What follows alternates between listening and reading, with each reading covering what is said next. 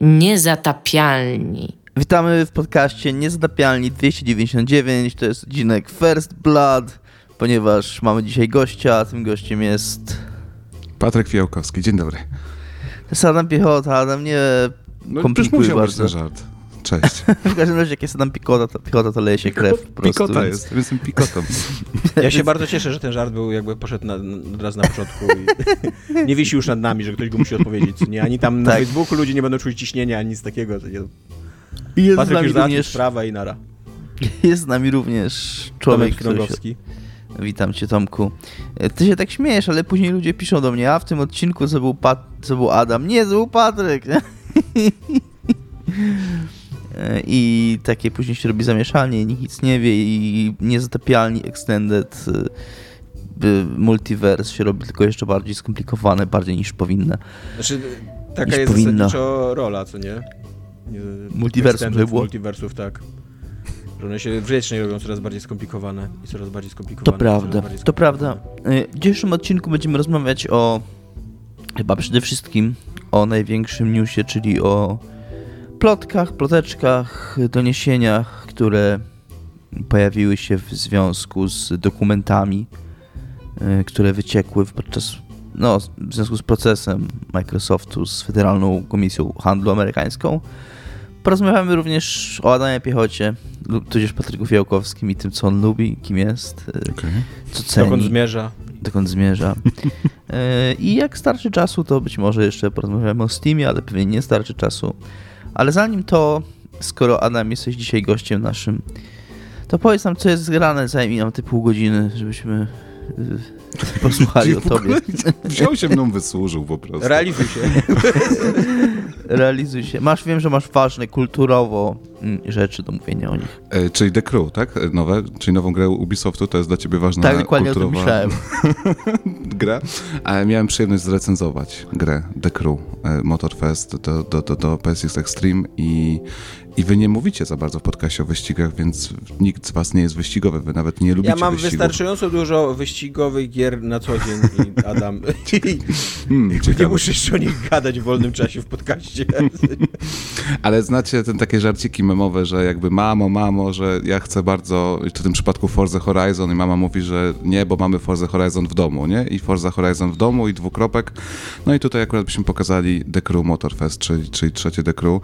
To jest gra, która nawet nie balansuje na granicy plagiatu, a wręcz jest plagiatem Forza Horizon.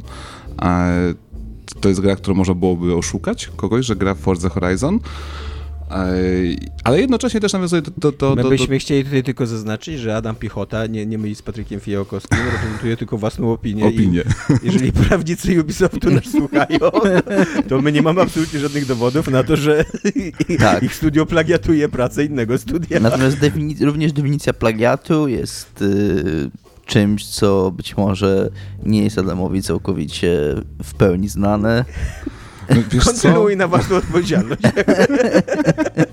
Ale słuchajcie, jak włączacie grę, nie, która rozgrywa się w jakichś pięknych, rajskich tak, e, settingach, tutaj tak, to, jest, e, to są Hawaje i wyspa Oahu, e, nie wiem jak się wymawia poprawnie, ja tam zawsze mówiłem Oahu, ta, ta sama wyspa, co była w Test Drive Unlimited na To PlayStation jest sama 2 wyspa, na jeszcze. której y, na plaży lądowali y, żołnierze amerykańscy na początku II wojny światowej.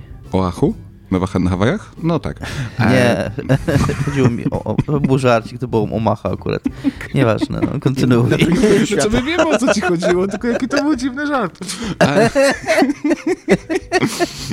Jeżeli macie taki, taki, taką giereczkę i ona się zaczyna tym, że jest tytuł, który jest połączony z montażem takich pięknych widoków, e, to jest główne menu, które wygląda identycznie jak główne menu Forza, e, Forza Horizon tam 3, 4, 5. E, Włączacie tą grę Sześć. i najpierw wasza postać, I wasz to awatar. jest plagiat Baywatcha. Albo Tropic Thunder.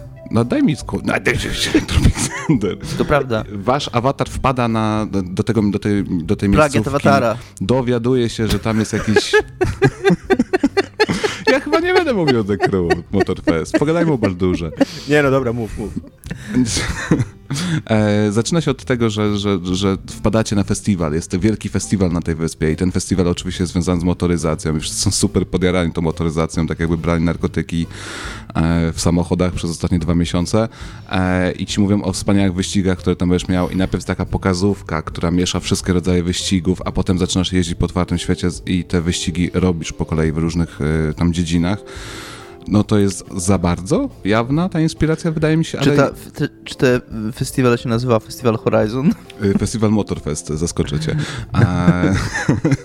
ale ja tylko chciałbym zaznaczyć, że mi się ta gra bardzo podoba. To też jest y, taki ewenement, że Ubisoftowi się to udało, bo mimo tego, że to jest tak bardzo podobne do Forza Horizon i że jeszcze idzie w taki bardzo oklepany setting, nie? Hawaje i wyspa tropikalna, e, to nawołują do takiego ducha PlayStation 2. Ja mam trochę vibe, jakbym grał wiecie, 15 lat temu, więcej niż 15 lat temu, ale w, nie wiem, Midnight Cluba 3, właśnie w Test Drive'a, w Burnouta, I to były dobre czasy. I to mi przypomina te, te, te, dobre czasy. I tutaj takie idą w taki fajny pomysł, że macie playlisty, słuchajcie panowie, czy jest na przykład taka playlista Made in Japan, że przez 8 wyścigów kontaktujecie się z koleżkami z Japonii, którzy, którzy robią wyścigi w Japonii i tutaj robią swój własny taki mini festiwal. I w ramach tej playlisty wyścigi są przefiltrowane, dosłownie na ekranie. Mamy takie filtry neonowe, wszystko jest w kolorach magentowych, takich wiecie, neonów i tak dalej. I te miasto, tam jest Honolulu też przypomina bardzo wtedy y, jakiś film Szybcy i Wściekli i to działa, że są takie wizualne wyróżniki tych wszystkich rzeczy, które my robimy, a takich rzeczy właśnie już nie ma w pozostałych wyścigach w otwartym świecie. One są takie nudnawe, Domek wie, bo Domek czasami gra e, w Forza Horizon. Czyli czekaj, takich rzeczy nie ma na przykład w Horizon? Nie, nie. Forza Horizon... Forza Horizon ma takie pomysły nie na siebie nadużyciem, czasami. gdybym powiedział, że to nie jest plagiat, skoro robią coś oryginalnego. Oczywiście, że przesadziłem. No już dobra z tym plagiatem. Dajcie mi spokój. Ja mam z plagiatem do czynienia na co dzień w swojej pracy, nie? Jakby dzień w dzień. Um, Adam pisze doktoraty po godzinach. Tak, i ocenia pracę później uczniów swoich, którzy piszą o wyścigach samochodowych. Dokładnie. Adam. Plagiat Forza Horizon. Zero. To nie był dobry pomysł, żeby zaczynać rozmowę z wami od wyścigów. Eee, też moje drugie, co jest grane, też nie jest dużo lepsze. Fascynujące jest dla mnie, że mówisz o czymś, o czymś się, na czym się bardzo, bardzo znasz, a wychodzi na to, że i tak gówno wiesz. No, przepraszam, kontynuuj. Ja się czuję obrażany tutaj, to po pierwsze, a po drugie, y, sam się gówno znasz, bo co ty grałeś w życiu w wyścigi? Grasz w Forza Horizon raz na dwa lata. W Forza Horizon grał Dominik, tak. No. I w, I w Burnouta, z tego co mówiłeś. Ta takedown. Ale przynajmniej w tego najlepszego. Trójka była no najlepsza. wiadomo, to jest najlepszy Burnout. No, zdecydowanie. E, podoba mi się to, że właśnie są budzone takie wspomnienia z, z właśnie z szóstej generacji konsol. E, model jazdy wiadomo, że jakby nikt nie dogoni e, serii Microsoftu i to nie będzie to, to, to, to jest troszeczkę słabsza gra, ale to jest też The Crew, więc ono wciąż umożliwia zamienianie się w locie e, z samochodu w samolot, albo z samochodu Szósta w motorówkę. generacja to będzie PlayStation, PlayStation 2, 2 tak? Xbox i, i GameCube, tak. A takich rzeczy nie ma nigdzie, nie? Żeby się rozpędzić, zamienić się w samolot, wylecieć sobie, przelecieć nad wyspą, yy, zamienić się w motorówkę, yy, spaść do rzeki i dalej tam cisnąć przez tą rzekę. Czy to są, są jednocześnie Transformersy? To troszeczkę są Transformersy e, i, to są też wyścigi w samolotach, są wyścigi w motorówkach, są wyścigi na kładach, e, tego też nie ma w Forza Horizon, czyli rzeczywiście coraz się bardziej oddalamy od plagiatu, e, a to wszystko jakby jeszcze z super fajną ścieżką dźwiękową, gdzie, uwaga, taki super pomysł, wydaje mi się, że każdy wyścig w kampanii ma przypisaną sobie piosenkę. Tam jest taka super przepasna playlista, nie, wiecie, wszystkie najpopularniejsze jakieś tam bendy w różnych, w różnych gatunkach. I, i dostajecie do każdego wyścigu wiecie, przypisaną konkretną piosenkę, która ma wzmocnić jakby wrażenia estetyczne e, związane z tym wyścigiem i to jest bardzo fajny pomysł. Po prostu to siada i mam takie wrażenie przynajmniej, że gram w grę, która ma początek e, i ma jakieś tam dalsze etapy, bo Forza Horizon się męczy z tym, że ta gra jest taka sama większość czasu. To zawsze był nasz problem, Domek, zresztą jak gadaliśmy, że fajnie się gra, fajnie się gra, w pewnym momencie nawet nie wiesz już, kiedy totalnie ci się znudziła i, i już odpadasz. A tutaj tak nie jest. Więc uważam, że to jest najfajniejsza Forza Horizon, która nie jest Forza Horizon i że nareszcie na PlayStation można zagrać Forza Horizon, która no, jest prawie Forza Horizon. Zgadzam się, że pomysł na to, że była muzyka podczas jeżdżenia jest rewolucyjny. E, Przepisana, dobra, idźcie sobie. A jak długa jest ta kampania? E, To jest 15 wbudowanych obecnie playlist. E, każda powiedzmy, że niech ci zajmie około godziny. Czyli tak sobie możesz to mniej więcej pomnożyć. Żeby skończyć 30 grę, godzin. skończyć, to musisz zrobić tak około 10. Wtedy dostajesz e, szybką podróż po całej wyspie. To chyba powiedzmy, że to jest taki moment e, pierwszego zakończenia. Czyli 10-15 godzin, tak? To bardzo dobry czas dla wyścigów, które ostatnio też lubiły właśnie iść w RPGowe klimaty i tam wymagać A ja rozumiem, 30 że ty jesteś człowiekiem wyścigowym, tak? Który lubi wyścigować. Lubię, lubię, lubię bardzo ścigałki. Powiedz mi, no. czy ty się wyścigujesz tylko z komputerem, czy ty się wyścigujesz również z innymi ludźmi? Bardzo nie lubię się wyścigować z innymi ludźmi. To dobrze. Inni ludzie to gówno. E, e, ja chciałem tylko jeszcze powiedzieć, że dementuję. Ja lubię Forza Horizon bardzo i uważam, że jest super. Ale ja też bardzo ją lubię, tylko że Forza Horizon mm, już przy tej piątce pokazała nam, że tak jakby trochę brakuje pomysłu, no, co zrobić dalej, nie? I jest tak powtarzany materiał, cały czas tylko nowa wyspa, znaczy nowy świat, tak? Teraz masz Meksyk, ale nic poza tym już nowego. A Nie, tak- może ja nie jestem takim, nie jestem takim entuzjastą, bo ja w tą meksykańską przyszedłem całą i to jest jedyna Forza Horizon, jaką przyszedłem całą i się super bawiłem do końca. Chyba ja już nie potrafię, no bo przy, przy trójce tej w Australii to spędziłem chyba z 50 godzin, bo tam wszystko zrobiłem, co tylko można było W zrobić. w, ogóle, w trójkę w ogóle nie grałem. W czwórkę to Próbowałem ci, na, grałem. próbowałem ci namówić, jak ono wychodziło, ale ty nie chciałeś. No Pracowaliśmy wtedy jeszcze razem. No wiem, znaczy nie wiem, pewnie ci nie słuchałem po prostu. Okej, super. To, to jak się zastanawialiście czasem nasi drodzy słuchacze, jak wyglądały początki i przyjaźni Igi i Dominika, to teraz Dominik robi tu roleplaya, jakiegoś. Prawda jest taka, że moje, moje kilka pierwszych lat w poligami, kiedy właśnie z Domkiem się spotkaliśmy, ja nie wiem, Domek, kto z nas pierwszy tam pisał do tej poligami, ale tak rzeczywiście było. No nie był za miły dla mnie. Wow, ty pierwszy pisałeś i to jeżeli ktoś był niemiły, to ty byłeś niemiły Ja dla byłem mnie, bo ja, niemiły, ja byłem dzieckiem wtedy. ja nie miałem pozycji takiej, żeby być niemiłym dla kogokolwiek, bo ja byłem właśnie nowy. Ja też byłem zawsze z deskokiem. Razem weszliśmy tak już taki stały kory, jak, jak tam była ta poligamia 3.0. No. A wcześniej, nie, no nie wiem. No, mnie się wydaje, ja się ciebie bałem na początku, taki byłeś osły. Wow, Czyli tak samo jak właśnie w WP. wow. No dobra, Nie. i jeszcze film widziałeś. Dobra, to Nowy, to, to, fajny polski film. e, Ja widziałem Ważny film... kulturowo. Tak Ważny kulturowo, Domek? że on go nie zakazał jeszcze. Czekaj, czekaj, Domek, bo ja tam pamiętam, co wczoraj pisałeś na, na grupie, że e, dla kogo on jest ważny, czyli dla nikogo napisałeś. A chłopów widziałem. Widziałem nowych chłopów, czyli ten projekt, e, następny projekt studia Breakthrough.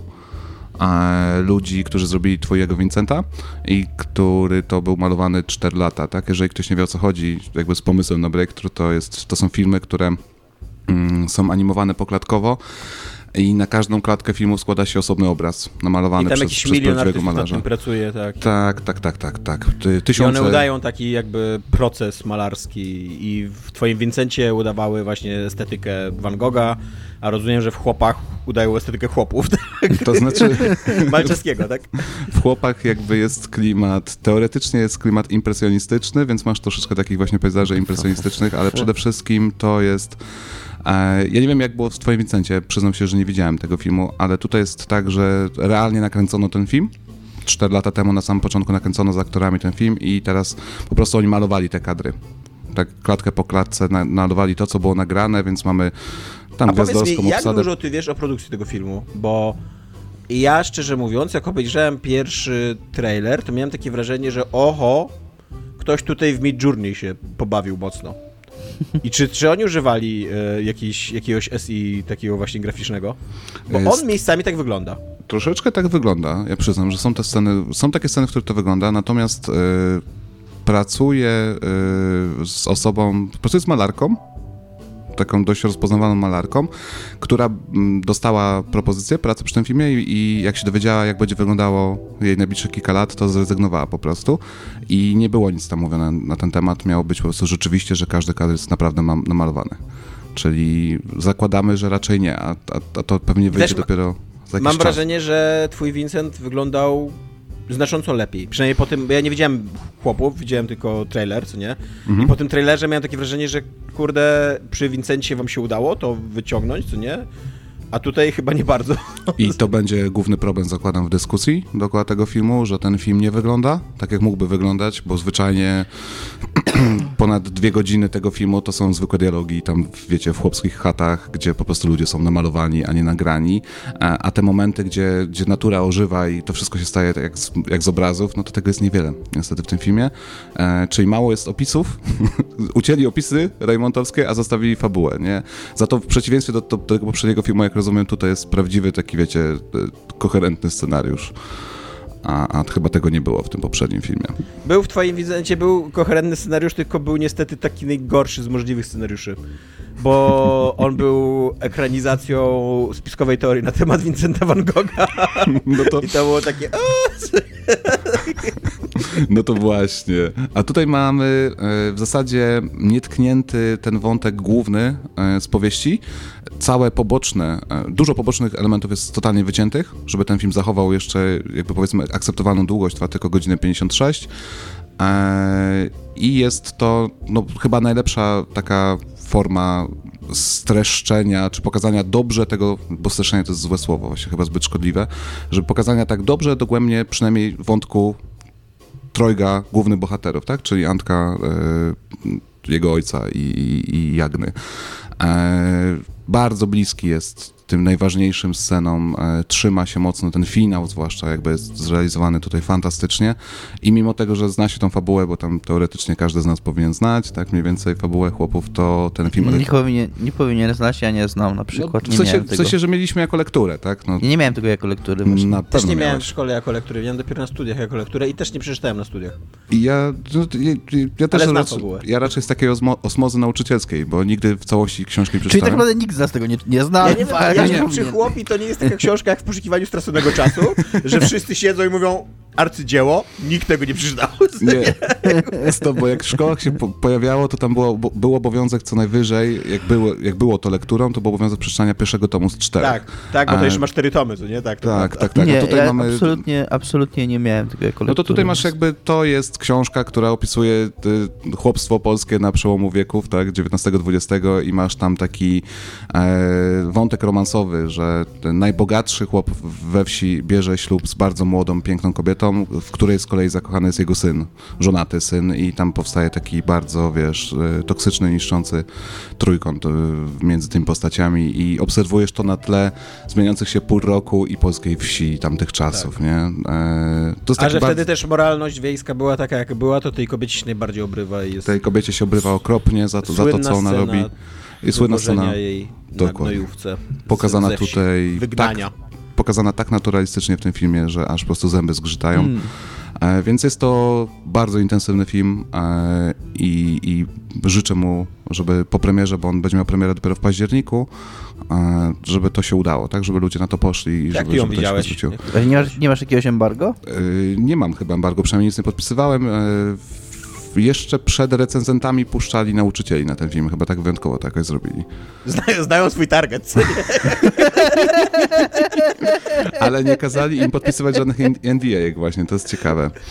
A, a kiedy ostatnio- podpisywałeś NDA, jak recenzowałeś grę i miałeś embargo na nią? Y, Jak God of recenzowałem, Ragnaroka. Ja, było mi się wydaje, że oni, oni mogą wiedzieć, że tu żadne, po pierwsze żadne NDA nie jest potrzebne, bo ten, ten, ten film się nie zaskoczy niczym, co nie tam nie ma. No Jakby właśnie, to jest, no nie no. To jest fabuła, która ma 130 lat. A po drugie, jakby wiesz, e, ty tam nie idziesz e, jako nauczyciel, żeby zobaczyć, czy to jest dobry film, tylko czy 30 dzieci da radę przetrwać dwie godziny. co nie? E, wiadomo jakby po co oni mnie zapraszają, ja, ja tego tak nie wykorzystam, bo ja nie jestem tego typu nauczycielem, że właśnie ciągał te dzieciaki biedne po kinach i męczył No, ale czymś, przecież mówisz, że dobry chcą. film, to... Jest fantastyczny ten film, ale ja zabieram do, do kina dzieci, które chcą film zobaczyć, więc jakby nie, nie będę zmuszał. A... Właśnie, dlaczego jest fantastyczna? Oprócz tego, że fabuła jest mocna, po prostu, e, zwłaszcza jak się ją trochę mniej kojarzy, no to działa. Po prostu to działa, to jest szokujące, to jest ciężkie, e, myśli się o tym, ale jeszcze muzyka jest fantastyczna tutaj. To jest taka bardzo folkowa, wiecie, muzyka wiejska, która została e, napisana przez takiego polskiego rapera z Wrocławia, LUC, nie wiem czy kojarzycie. Eee, I on już jakiś czas temu się chwalił, że właśnie pracował przy tym filmie i to było niesamowite. Każdy moment tańca w tym filmie, jest bardzo dużo tańców, eee, elektryzuje, w sensie jest przejmujący na poziomie takim, wiecie, audiowizualnym, że jakoś człowiek się czuje tak źle. Ale że muzyka została przez niego napisana, to znaczy, że on wyszedł jakby ze swojej raperskiej niszy? On już wyszedł z raperskiej niszy jakiś czas temu, on teraz jest e, przede wszystkim dyrygentem. Bo myślałem, E, że może, wiesz, zrobili taki miks, nie? Że chłopi, ale z rapem, nie? To są chłopi, ale z elektroniką. Jakby to jest folklor z, z, z domieszką, domieszką, taką małą domieszką bitów elektronicznych w tym filmie. Czyli, no, ciekawa sprawa. Jakby mamy połączenie starego z nowym, plus język tych chłopów e, nie jest tak jak w powieści. O Jezus, przepraszam, e, całego filmu postaci. Język nie jest tak jak w powieści. E, jest troszeczkę uproszczony, czyli rozumiemy to bez znajomości, wiecie, chłopszczyzny sprzed 130 lat. Chłopszczyzny. No. No dobrze, czyli chłopi. 10, 10 na 10 e, 9, polecasz dla, 9, na 10 mój trzeci ulubiony film tego roku, jak na razie. polecasz dla wszystkich polonistów. Dwa pierwsze ulubione filmy twoje tego roku? After Sun i Osiem gór. Osiem gór? To nawet nie wiem, co to jest. E, Osiem gór to taki był dramacik, na wakacje to miał premierę, jeszcze chyba nie ma w żadnym streamingu. E, No w kinach jakby nie zrobiło tam furory, ale przepiękny film. Wszyscy poloniści, którzy nas słuchają, polecamy pójście na chłopów. Mamy ich tak wielu. Tymczasem Microsoft się dzieje. To jest największy news, jaki wypłynął z internetu do nas, z takim strumyczkiem newsów, który płynął do nas, do tego, mm, do tego jeziora, czy bardziej do morza rzeki wpływają niż do jezior, do tego morza tematów. Ale właśnie są- tak się mówi, że to jest największy przeciek w historii. Przynajmniej z tych newsów, wtedy nie wynika, że tam jest jakiś miliard wiadomości, tylko są Tak. trzy czy cztery nagłówki po prostu. Tak, też troszkę mnie to dziwi. Wydaje mi się, że na przykład wyciek ciągle kodu Half-Life'a 2 pełnego, źródłowego był ważniejszy i taki bardziej fala uderzeniowa taka poszła po nim, jaki to miało wpływ i na firmę, i na ludzi, i w ogóle na to, jak się mówiło o grach przez jakiś czas. E, A, a samo Albo scenariusza tego, The Last of Us 2, co nie? Też jakie to miało reperkusje, jak to się długo ciągnęło Tak. później jeszcze i tak dalej. A tutaj tak naprawdę mamy do czynienia z y, dokumentem, który Microsoft wgrał na strony czy na serwer amerykańskiego sądu w ramach dzielenia się materiałem dowodowym mającym pomóc im, bądź no raczej im pomóc, bo raczej nie udostępniali rzeczy, które mają im zaszkodzić w procesie przeciw, znaczy związanym z przejęciem Activision. I są to dokumenty, to zostało wrzucone w czerwcu czy w lipcu 2020. W każdym razie z tamtego, czy wrzucone później, ale z czerwca 2020 pochodzą te dokumenty i związane są z szeregiem planów i takich wizji tego, co Microsoft chce robić w przyszłości, jakie są ich, ich y, plany na podbój rynku konsol nowej generacji. I tu jest kilka y, aspektów tego, tego całego przecieku, więc zaczniemy od chyba tego największego, czyli nowej konsoli. Już od dłuższego czasu słyszymy plotki i doniesienia, że będą konsole takie śródgeneracyjne, takie jak Wow, jakie ładne określenie, śródgeneracyjne. takie jak PlayStation 4 Pro i Xbox One X. I Ale Amerykańcy też mówią, że to są mid-geny, mid-geny. No właśnie tak, już e, jest- ale jeszcze nie słyszałem takiego tłumaczenia na polski, że śródgeneracyjne.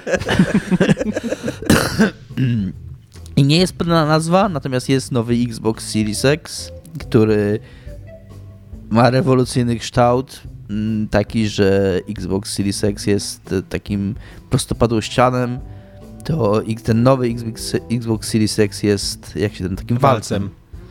Tak, takim, takim walcem. Mm, Co jest dziwnym kształtem, bo trochę nie wiem jak go położyć, czy też będzie jakaś taka podstawka mm, jak do PlayStation, że będzie jakieś takie plastikowe coś, żeby ułożyć jakaś taka kołyska Ta podstawka taka. jest koszmarna, to od razu tutaj podkreślam. Do, do PlayStation 5 jest fatalna.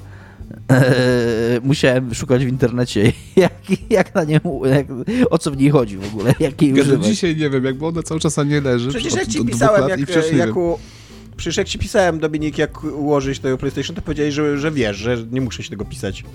A to się okazało, że ty wygooglałeś. Może wiedziałem, bo wygooglałem. Yy, I więc tak, bo u mnie Xbox leży.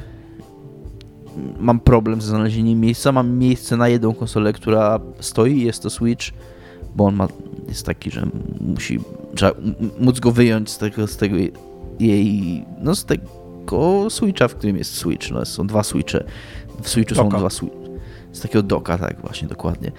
Więc nie mam już miejsca, żeby Xbox stał, więc Xbox leży.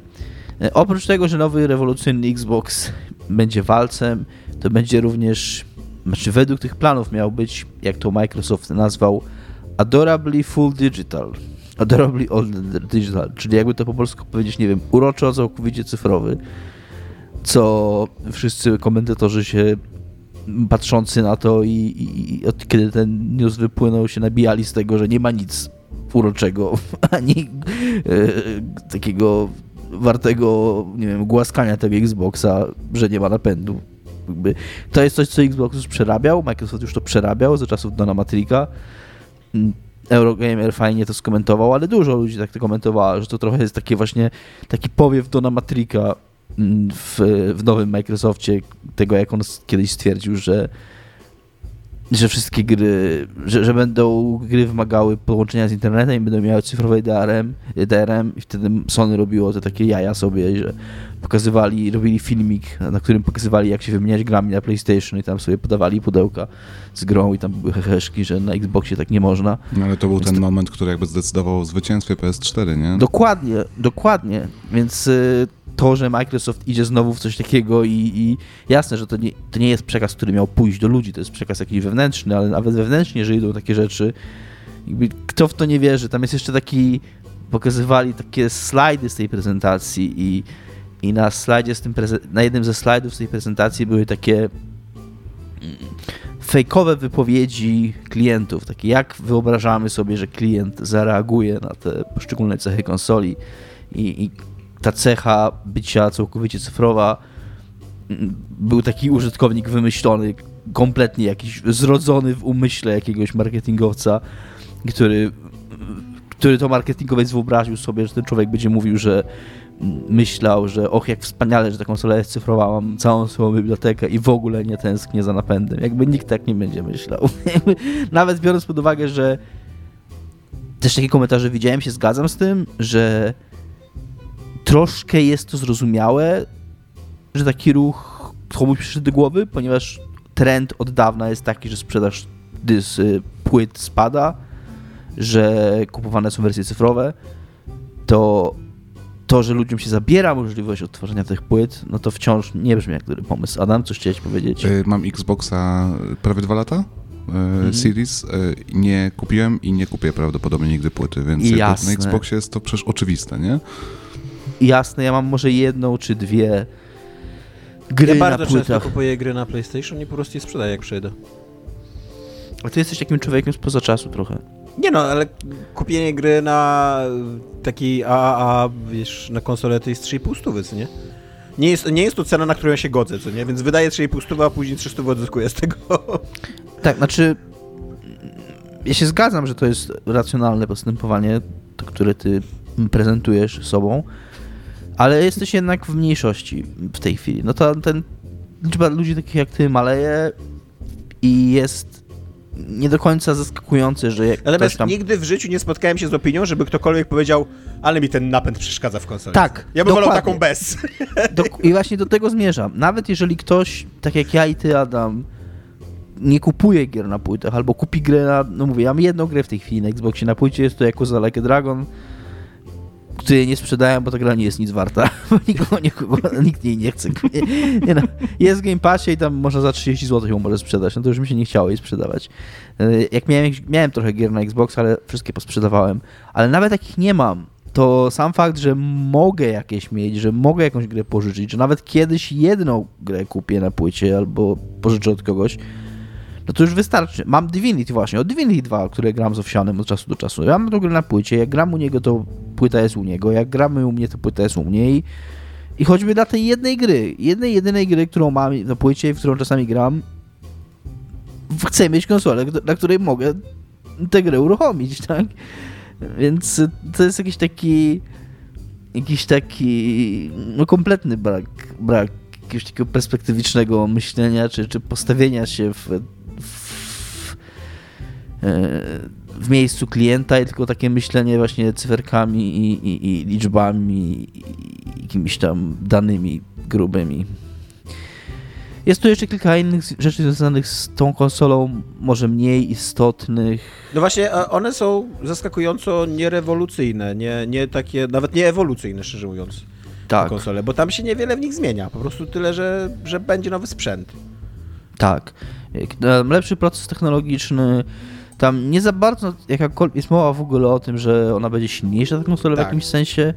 To jest bardziej taki po prostu slim, w niższym procesie technologicznym zrobiony, więc wydajniejszy, jeżeli chodzi o zużycie energii. E, piszą, że około 15% mniejsze zużycie znaczy, energii. Co, co, wydaje mi się, że chyba pochwalamy, co nie, że, że nie chcą zbudować właśnie nowej takiej tak, wśród tak. generacji, jak to, jak to mówimy tak, oficjalnie. Masz rację. Która będzie jest... dyskryminowała starszych, co nie posiadaczy. Że to jest, mniej, że to jest mniejsza znaczy, generacja. Ich, ich normalna generacja dyskryminuje dużo. Znaczy wiecie, jest jeszcze Xbox Series S, jakby w ogóle u Microsoftu jest ciężko z tymi sprzętami z tą generacją zwłaszcza, nie? Bo i teraz jeszcze mieliby wyrzucić trzecią konsolę, ona miałaby być jeszcze silniejsza niż Series tak, X, tak. I, a gry miałyby dalej działać na Series S tak? Tak, no więc nie, nic nie wskazuje na to, właśnie być może dlatego nie słusznie określiłem tę nazwę wśród generacji, bo to nie, faktycznie nie ma nic wspólnego z Xboxem One X czy PlayStation 4 Pro. To nie jest mocniejsza konsola. To jest po prostu taka wersja Slim, tylko że nie Slim, tylko wersja walec. Torus a, Edition. A myślicie, że to się stanie w tej generacji, czy, czy jednak Torus, się, że Torus nie? to jest co innego niż walec, nie? Bo Torus jest pusty w środku chyba, tak? Taka jest różnica między walcem a Torusem. To jest tak jak pomiędzy kulą a sferą, tak? No i ten Xbox będzie pusty w środku, bo nie będzie miał żadnej płyty. Nasze serca pozostawi pustymi w, w środku. Wiecie natomiast, co jest fascynujące e, dla mnie, przy tych, że one, e, te nowe konsole mają um, Jeden ma Elwood, co jest ok, jakby nie mam żadnych zastrzeżeń, a drugi ma Brooklyn. Tylko Brooklyn pisane przez I, a nie przez Y. Czyli, że tak. nie chodzi o y, dzielnicę Nowego Jorku, która tam liczy sobie z, pewnie 30 milionów mieszkańców, tylko chodzi o miasteczko w stanie Maine, które liczy 830 mieszkańców. Czyli tyle, ile ludzi kupi tą konsolę. Boom. Microsoft zna swój target. No tak, tak, też mnie to zdziwiło. Dopiero teraz wiem, dlaczego mnie to zdziwiło, bo zastanawiałem się, czy tak się pisze Brooklyn na nie, pewno? Nie, tak się nie pisze Brooklyn. Totalnie no właśnie. Nie. I oglądałem, ja właśnie jak oglądałem e, jakiś takiego YouTube'a podsumowującego te wycieki, to Amerykanie się centralnie dziwi, że tak się nie pisze Brooklyn. Więc być może tak, być może, ale nie no, może jakiś szef, kurde, tego, e, tego projektu jest z miasteczka Brooklyn, ze stanu Maine albo coś takiego, e, więc tak. A przy, tak. tych, przy tych wszystkich wyciekach jakby komentarzach, które tam e, trzeba było uczynić przy, e, na temat tych wycieków, jeszcze była ta informacja, e, wydaje mi się, że to jest takie jeszcze w miarę ciekawe, że e, na temat tego Game Passa, tak, że jeżeli do 2029 roku Game Pass nie będzie miał 100 milionów użytkowników, to Microsoft rozważa zwinięcie się z, z rynku gier. To nie do końca tak było, to, nie, to jest ładny nagłówek, który... Tak, tak, tak ja widziałem to po nagłówkach, więc tylko tak Tak było to, tak było to przedstawiane. Realnie, faktycznie Phil Spencer powiedział coś takiego, natomiast kontekst należy znać tej wypowiedzi, tej jego wypowiedzi. Przy okazji tego wycieku pojawił się taki wykres, też na jednej ze stron tej prezentacji, taki wykres, jak Microsoft y, przewiduje, że będzie będą rosły poszczególne segmenty jego biznesu no, związanego z grami i tam była chmura, Game Pass i konsole chyba, czy coś takiego i, i chmura tam rosła o kilkadziesiąt milionów, a Game Pass, a sprzedaż konsol rosła tam o jakieś bardzo niewielką liczbę, że tam w przeciągu, nie wiem, 5-6 lat teoretycznie według tej projekcji tam Microsoft miałby tam 2 miliony konsol sprzedać, czy 5, coś takiego, nie? No, dużo mniej niż racjonalnie można by przypuszczać. I Microsoft, i, i, Phil Spencer poproszony, poproszony o komentarz do tego slajdu powiedział, że no, że planują znacznie więcej i że jeżeli by tak mało sprzedali, ile jest na tym slajdzie, to by się wycofali z rynku. Więc to jest bardziej takie nie na zasadzie, że on powiedział, że że, że tak będzie, że cię wycofają, tylko bardziej takie właśnie z, z próba zdeprecjonowania tego slajdu, tak, takiego powiedzenia, że nie, nie, nie, że nasze projekcje na pewno nie są takie niskie i, i nie mogą być tak niskie, więc to bardziej Okay, o to okay, okay. A kupią Nintendo, czy nie kupią Nintendo? Tak, czy kupią Nintendo? Inna rzecz, która wynikła z tych przecieków, to komunikacja pomiędzy Philem Spencerem a jakimiś dwoma innymi, dwójką innych ważnych ludzi mm, w Microsoftie, czyli e, Chief Marketing Officer, czyli Pan Microsoft czy i pani Microsoft? dyrektor do spraw marketingu, dyrektor to, to CEO, to bardziej, no dyrektor do spraw marketingu, Chris Caposella i Commercial Chief Marketing, czyli nie wiem, szef marketingu komercyjnego, e, w którym to mm, Phil Spencer rozważał, jak wielkim dla niego kamieniem milowym w jego karierze było, jak byłoby kupienie Nintendo i jak ważnym No zasobem, nie wiem, asetem, nie wiem jak to powiedzieć. No zasobem, asetem, tak, dokładnie, do, oni tak dokładnie traktują takie, takie rzeczy. Byłoby, byłoby Nintendo dla Microsoftu i powiedział, że, że Nintendo siedzi na górze pieniędzy, więc może być to trudne, ale Ale oni już kiedyś próbowali kupić Nintendo, pamiętacie? Że tak raz była ta historia, że, Że ich rzeczywiście... wyśmiali, tak? Tak, tak, że Tak, kiedyś że- poszli na że Japończycy spotkanie i zostali wyśmiali, wyśmiani, tak. Znaczy, Ale- e, e, ja bym bardzo chciał nie. Żeby, żeby, to się, żeby to się nie wydarzyło Tak. nigdy. Dobra bo, opinia, dobra bo opinia, wszyscy jak wiemy. jeszcze Activision Blizzard jestem w stanie przełknąć, chociaż też uważam, że to już jest zabezpie- niebezpieczny jakby ruch i, i, i zbyt duża konsolidacja i monopole i tak dalej, co nie? No to tak jakby Nintendo jest Nintendo dlatego, że jest Nintendo, a nie dlatego, że jest Microsoftem i, i to, to, to się w ogóle kłóci i ze wszystkim i ja, ja bym nie chciał. Ja bym tutaj już, kurde, nie wiem, jakby miał jakąś radykalną opinię autentycznie. co absolutnie. nie? Absolutnie, ja jestem znany z być może nieracjonalnego. Kiedyś powiedziałem coś takiego, bardzo żałuję, że to powiedziałem, więc może teraz jest, będzie okazja do wycofania się z tego, że kocham Microsoft, jakby takie słowa z moich ust nigdy nie powinny paść. Ani na ja, antenie to, tego ja to słyszałem wiele razy z twoich ust. ani na antenie tego podcastu, ani nigdzie indziej. To oczywiście było pół żartem. Ja nie kocham żadnej korporacji. Natomiast lubię mojego Xboxa po prostu i jestem przyzwyczajony do tej konsoli i jakby cenię ją sobie. Co nie wydaje mi się niczym złym i mam nadzieję, że nie wpływa jakoś na moją ocenę rzeczywistości. Jestem fanem tego, że Microsoft kupuje Activision, wielokrotnie o tym mówiłem, dlatego że będę miał Diablo w Game Passie. To jest jedyny powód. Nie, to nie wpływa w ogóle na, na twoją ocenę rzeczywistości. ale, ale pozwól mi skończyć.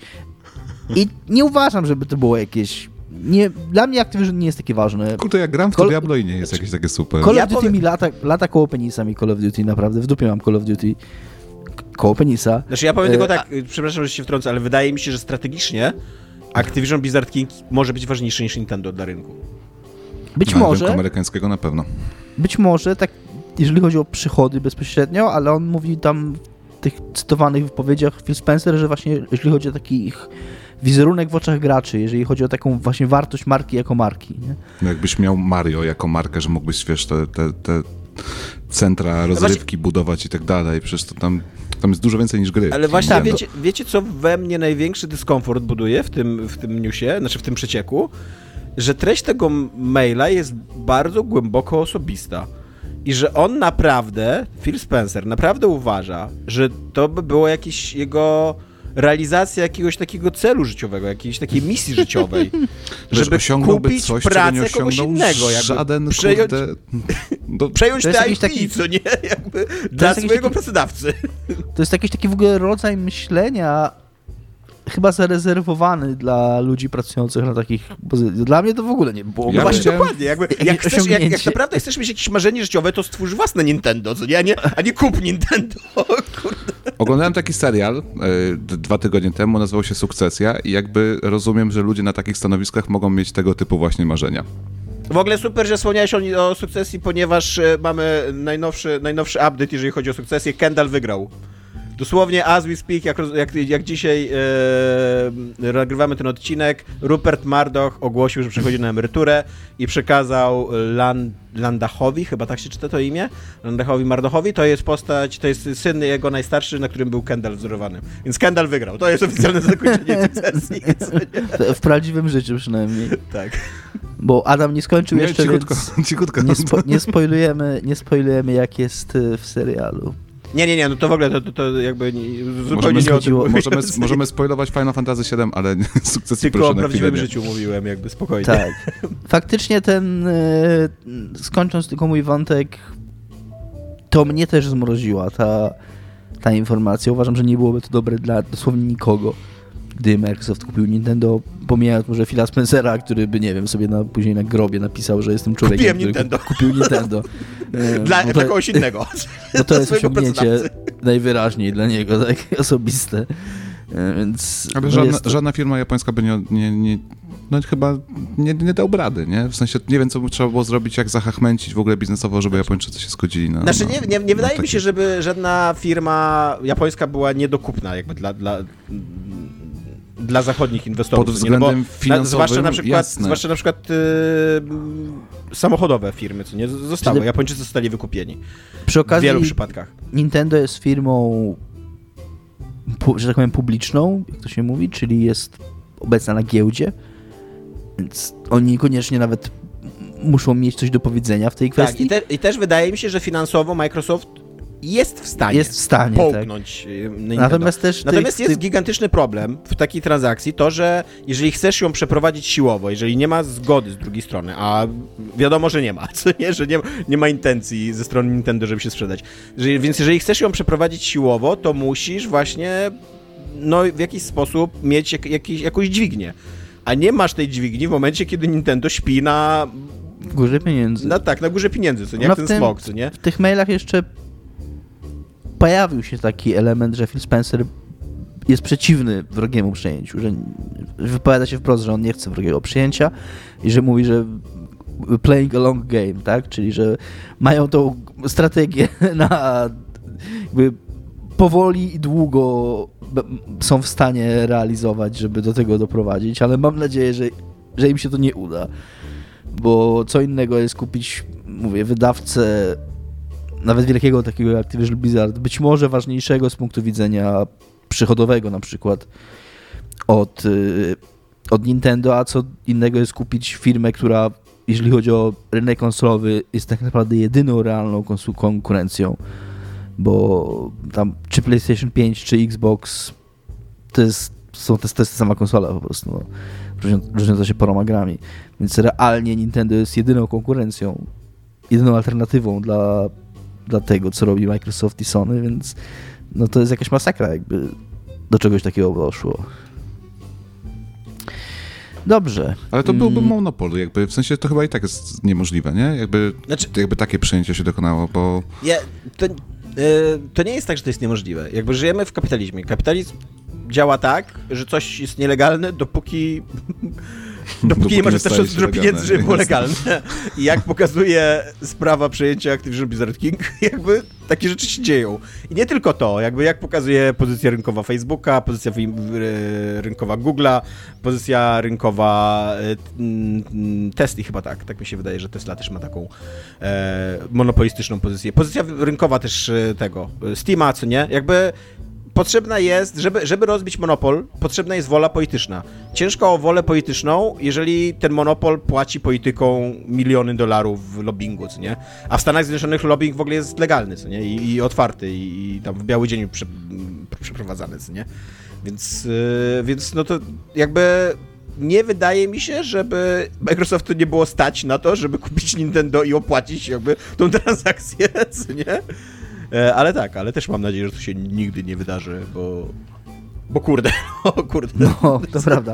Natomiast są też być może dobre informacje wynikające z tych przecieków. Tutaj Tomkowi oddam głos, bo to Tomka chyba najbardziej ucieszyło. Jedna z nich dotycząca nowych gier Bethesdy planowanych. Znaczy, y, tak, no tutaj w sumie to niewiele jest do powiedzenia, poza tym, że w końcu, w końcu będzie remake Fallouta 3, na który wszyscy czekali.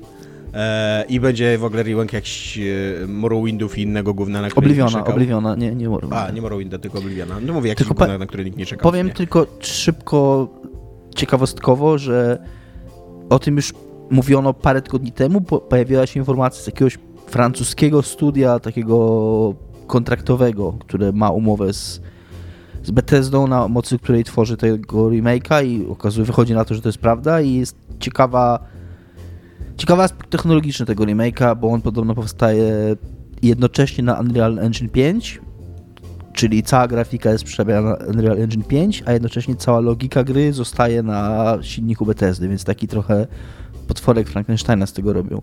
Co jest ciekawe, wydało mi się. I oddaję ci głos, Tomek.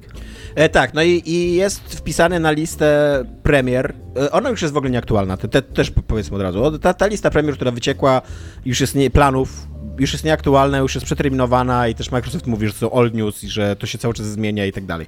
Ale jest tam wpisany Dis Dishonored 3 e, i cała dyskusja dookoła tego Dishonored 3 jest dosyć zabawna, bo Microsoft jak kupił Zenimax, a tam Arkane jest, należy do Zenimax, to y, zastanawiano się, co zrobić po Dishonored 2 i, i, i czy, czy robić Dishonored 3. I oni powiedzieli, powiedzieli, że nie, najpierw zróbmy coś małego na boku.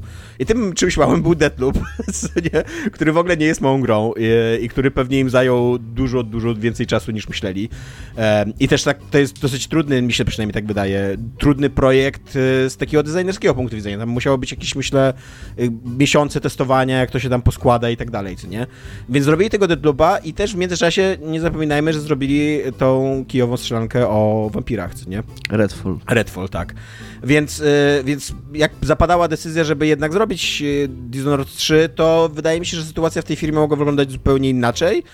E, Tutaj ale te, te, old news trochę są straszne, nie? Bo to był tak. raczej jest news sprzed Redfalla i przed znaczy, natomiast, natomiast właśnie powiedziałbym, że klęska, totalna klęska Redfalla może świadczyć bardzo na plus Dishonored 3. Że jeżeli wcześniej to była dla nich opcja, że ej, może zrobimy Dishonored 3, co nie? Ale zobaczymy jeszcze, co nie? Jeszcze mamy, jeszcze mamy pamiętaj tą, tą grę, która nam będzie przynosiła miliony dolarów, bo ona będzie a za serwis i tam ludzie będą na nią płacili i będzie super, co nie?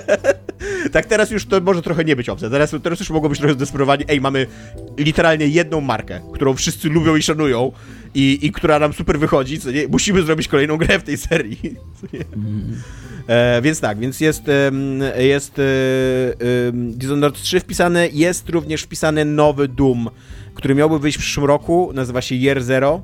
E, też ciężko powiedzieć, czy on wyjdzie w przyszłym roku, bo, bo no podejrzewam, że tu się ostro, ostro Powszechne, Takie no. powszechno, powszechną interpretację tej listy, jaką widziałem, powszechna interpretacja tej listy, jaką widziałem, jest taka, że skoro Starfield jest tam wymieniony jako gra która miała wyjść w 2021, Ta. to należy do wszystkich tych dat dodać plus dwa. Co jestem absolutnie przekonany, że tak to nie działa. Co nie, ta, ta matematyka się nie przekłada na, na development. Na, na, na wszystkie gry, tak? No, naprawdę. E, I oprócz, e, oprócz tych e, rzeczy jeszcze jest też kolejny bardzo dyskusyjna rzecz, która tam jest wpisana, to jest Ghostwire Tokyo 2. I ja jestem święcie przekonany, że jak się robi takie duże nowe IP, AA i tak dalej, to dosyć szybko rozważasz jakby, nie wiem, taką, taki potencjał sequelowy, co nie? I oni spojrzeli na Ghostwire Tokyo i stwierdzili, okej, okay, jakby to będzie, nasz, to będzie nasze duże IP i będziemy robić kolejne części, co nie? Natomiast po tym, jak wyszła ta gra i spotkała się z takim sobie mm, przyjęciem i do tego jeszcze reżyser tej gry odszedł po tym, jak ją opublikowano, to być może nie zrobią tej dwójki. być może nie należy się jej spodziewać e, tak na 100%.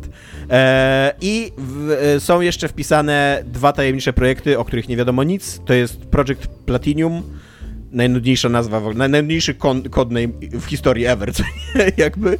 E, a drugie to jest Project Kestrel, o który oni... A, jeszcze jest jakaś gra na licencji, która jest po prostu wpisana jako license IP game. E, I też oni nic Indiana Jones. O, o, nie, Indiana Możliwe. Jest, Indiana Jones jest osobno jak Indiana Jones. Jest tam okay. na tej liście Indiana Jones jako Indiana Jones.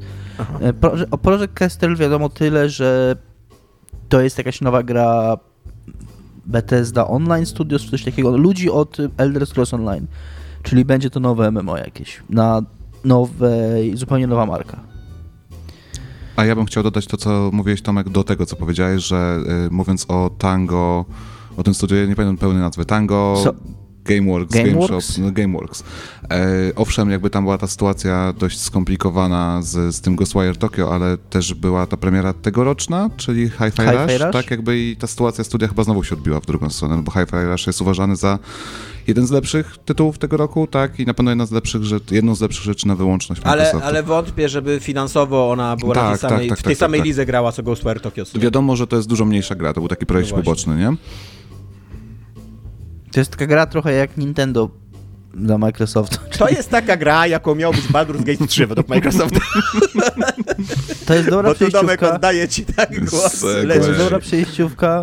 Jest jeszcze jedna bardzo ciekawa rzecz, która wyciekła, czyli taka wewnętrzna lista gier, które były rozważane jako potencjalne zakupy przez Microsoft do Game Passa, czyli jakie gry mogliby włączyć w ramach Game Passa i przewidywania ich, ile by to ich kosztowało.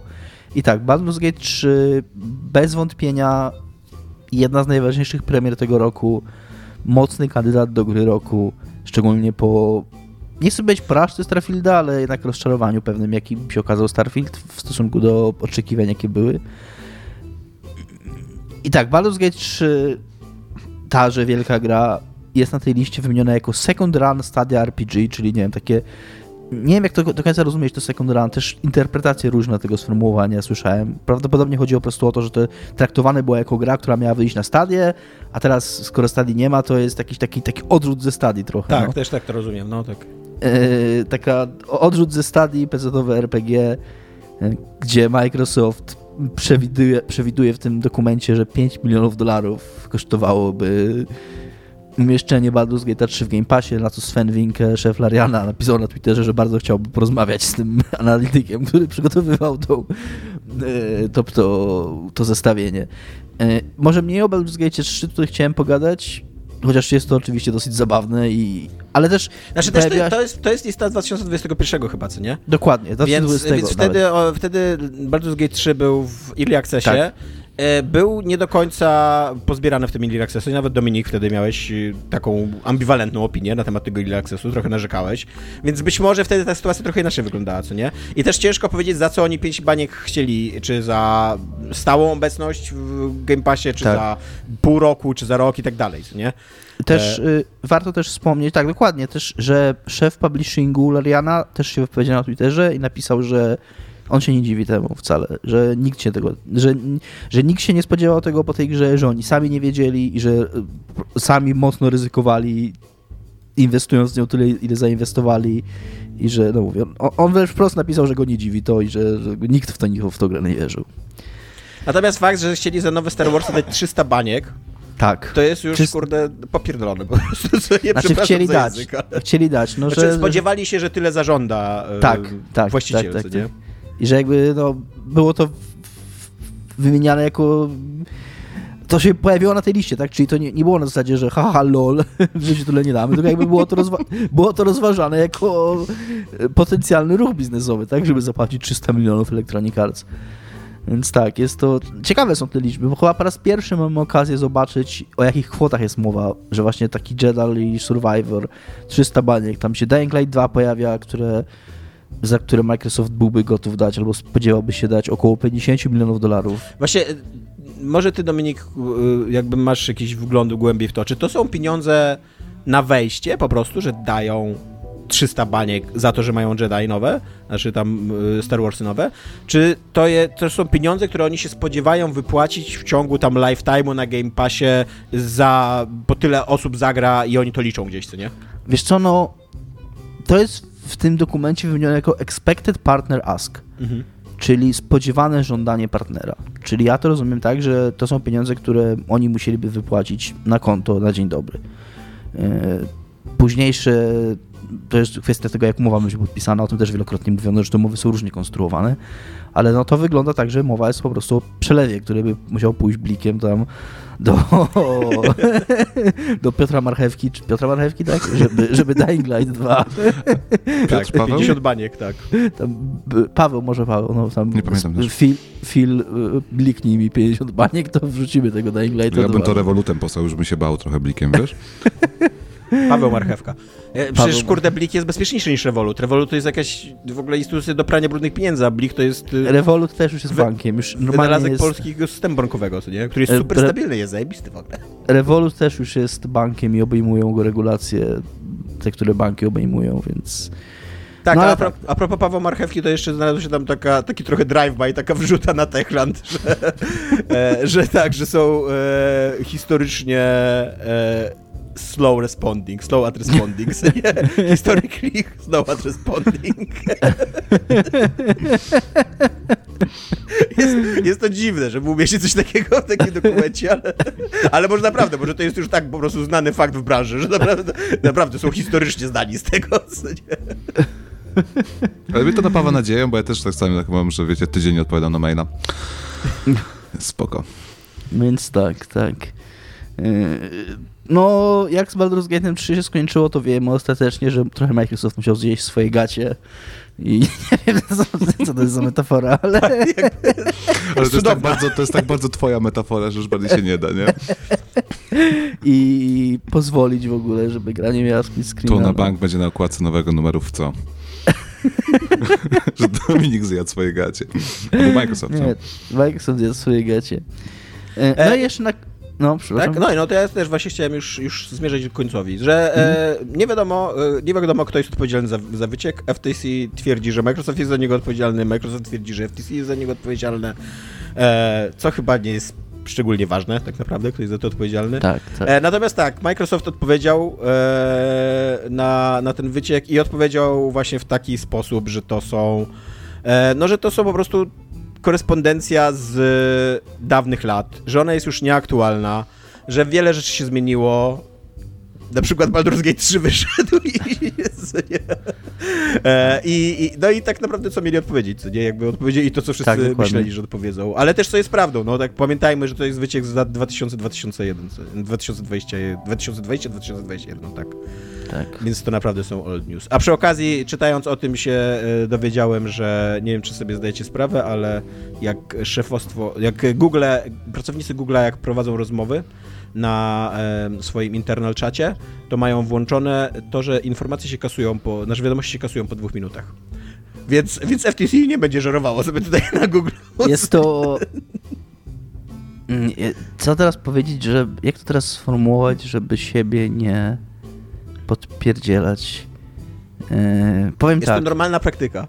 Jest to feature, którego zastos- jedyne znane mi zastosowanie potencjalne. Nie twierdzę, że sam z tego korzystałem, ale powiedzmy, które rozumiem, to jest rozmowa z dealerami narkotyków.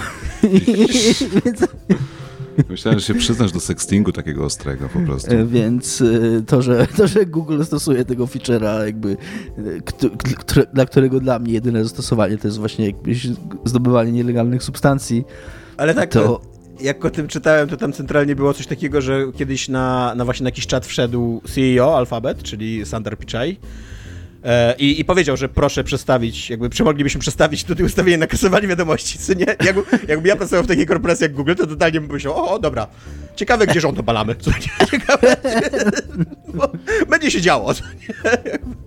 Będzie pisana historia. Tomku, tymczasem co jest grane u ciebie? E, u mnie jest czytana książka e, Spotkanie z Ramą. E, e, to jest powieść e, Artura C. Clarka, którego możecie kojarzyć jako autora Odysei Kosmicznej 2001, 2010, 2061 i 3001, bo cały cykl jest tych książek. Wow. E, jak tak, ja, ja, Odyseja Kosmiczna tylko dwie zostały zekranizowane, a, no, a jest ich więcej, co nie?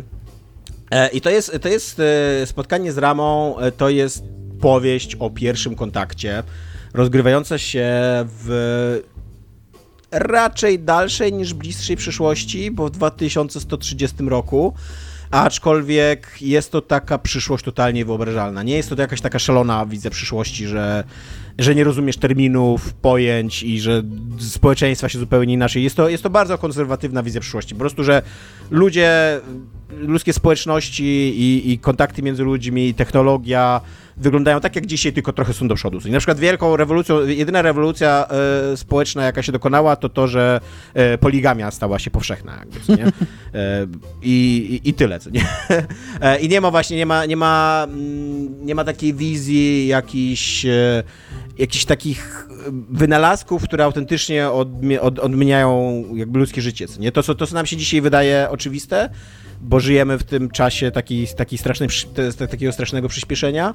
E, w czasach, kiedy ta książka była pisana, 73 rok, to był, być może jeszcze tego tak nie było czuć, że, no, że wychodzi co roku, wychodzą jakieś takie wynalazki, które po prostu odmieniają no nawet na sposób myślenia, nie? Nawet, nawet podejrzewam, że dzieciaki, które dzisiaj się wychowują na komórkach i TikTokach, to po prostu mają już inne synapsy, im się, inaczej im się synapsy w mózgach łączą, co nie? Po prostu mają tam jakiś, no bo, no bo to inaczej zaczynasz postrzegać świat, co nie? Inaczej, inaczej cała chemia w mózgu ci funkcjonuje, jak, jak się tak bodźcujesz od, od, od młodości. To nie, jakby to nie, nie potępiam, to nie jest tak, że stary człowiek krzyczy na, na chmury, ale, ale po prostu wydaje mi się, że, że, że, że tak jest, nie?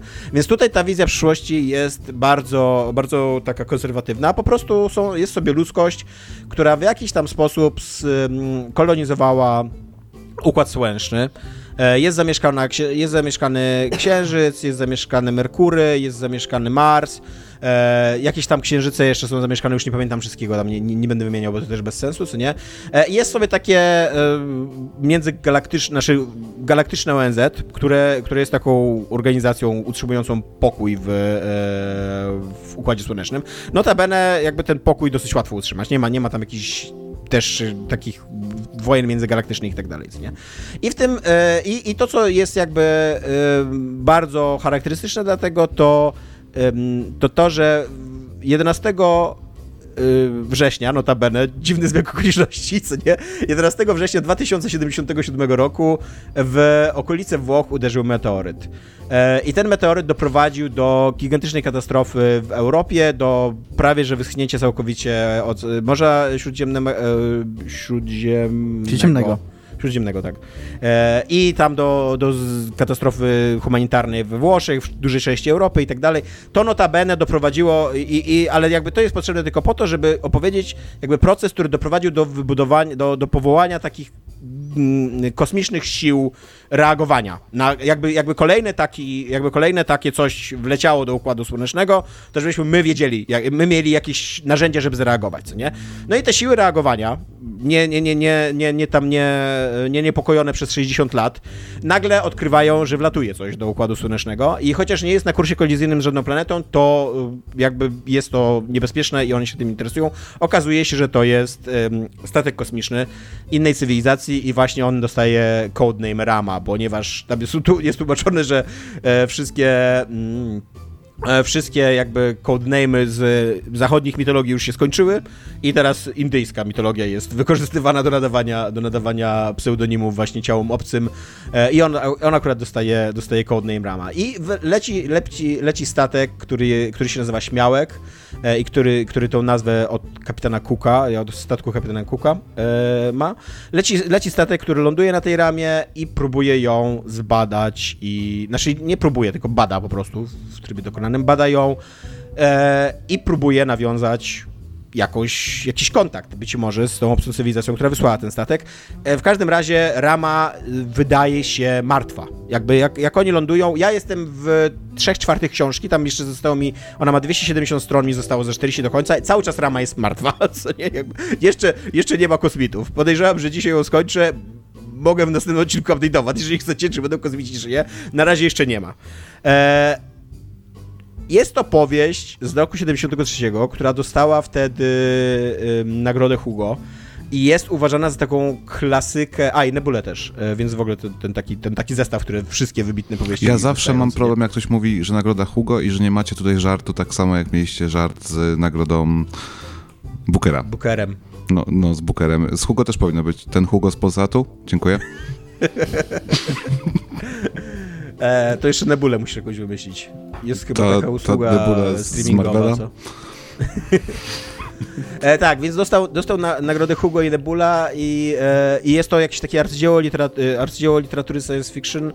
E, ja czytałem kiedyś Odyseję Kosmiczną 2001 i 2010 i 2061 i pamiętam, że dwie pierwsze, 2001 2010, to są bardzo, do, to były bardzo dobre powieści wtedy, jakie czytam, czytałem z 15 lat temu. Naprawdę świetnie mi się je czytało, byłem zaskoczony, jak dobre to są książki.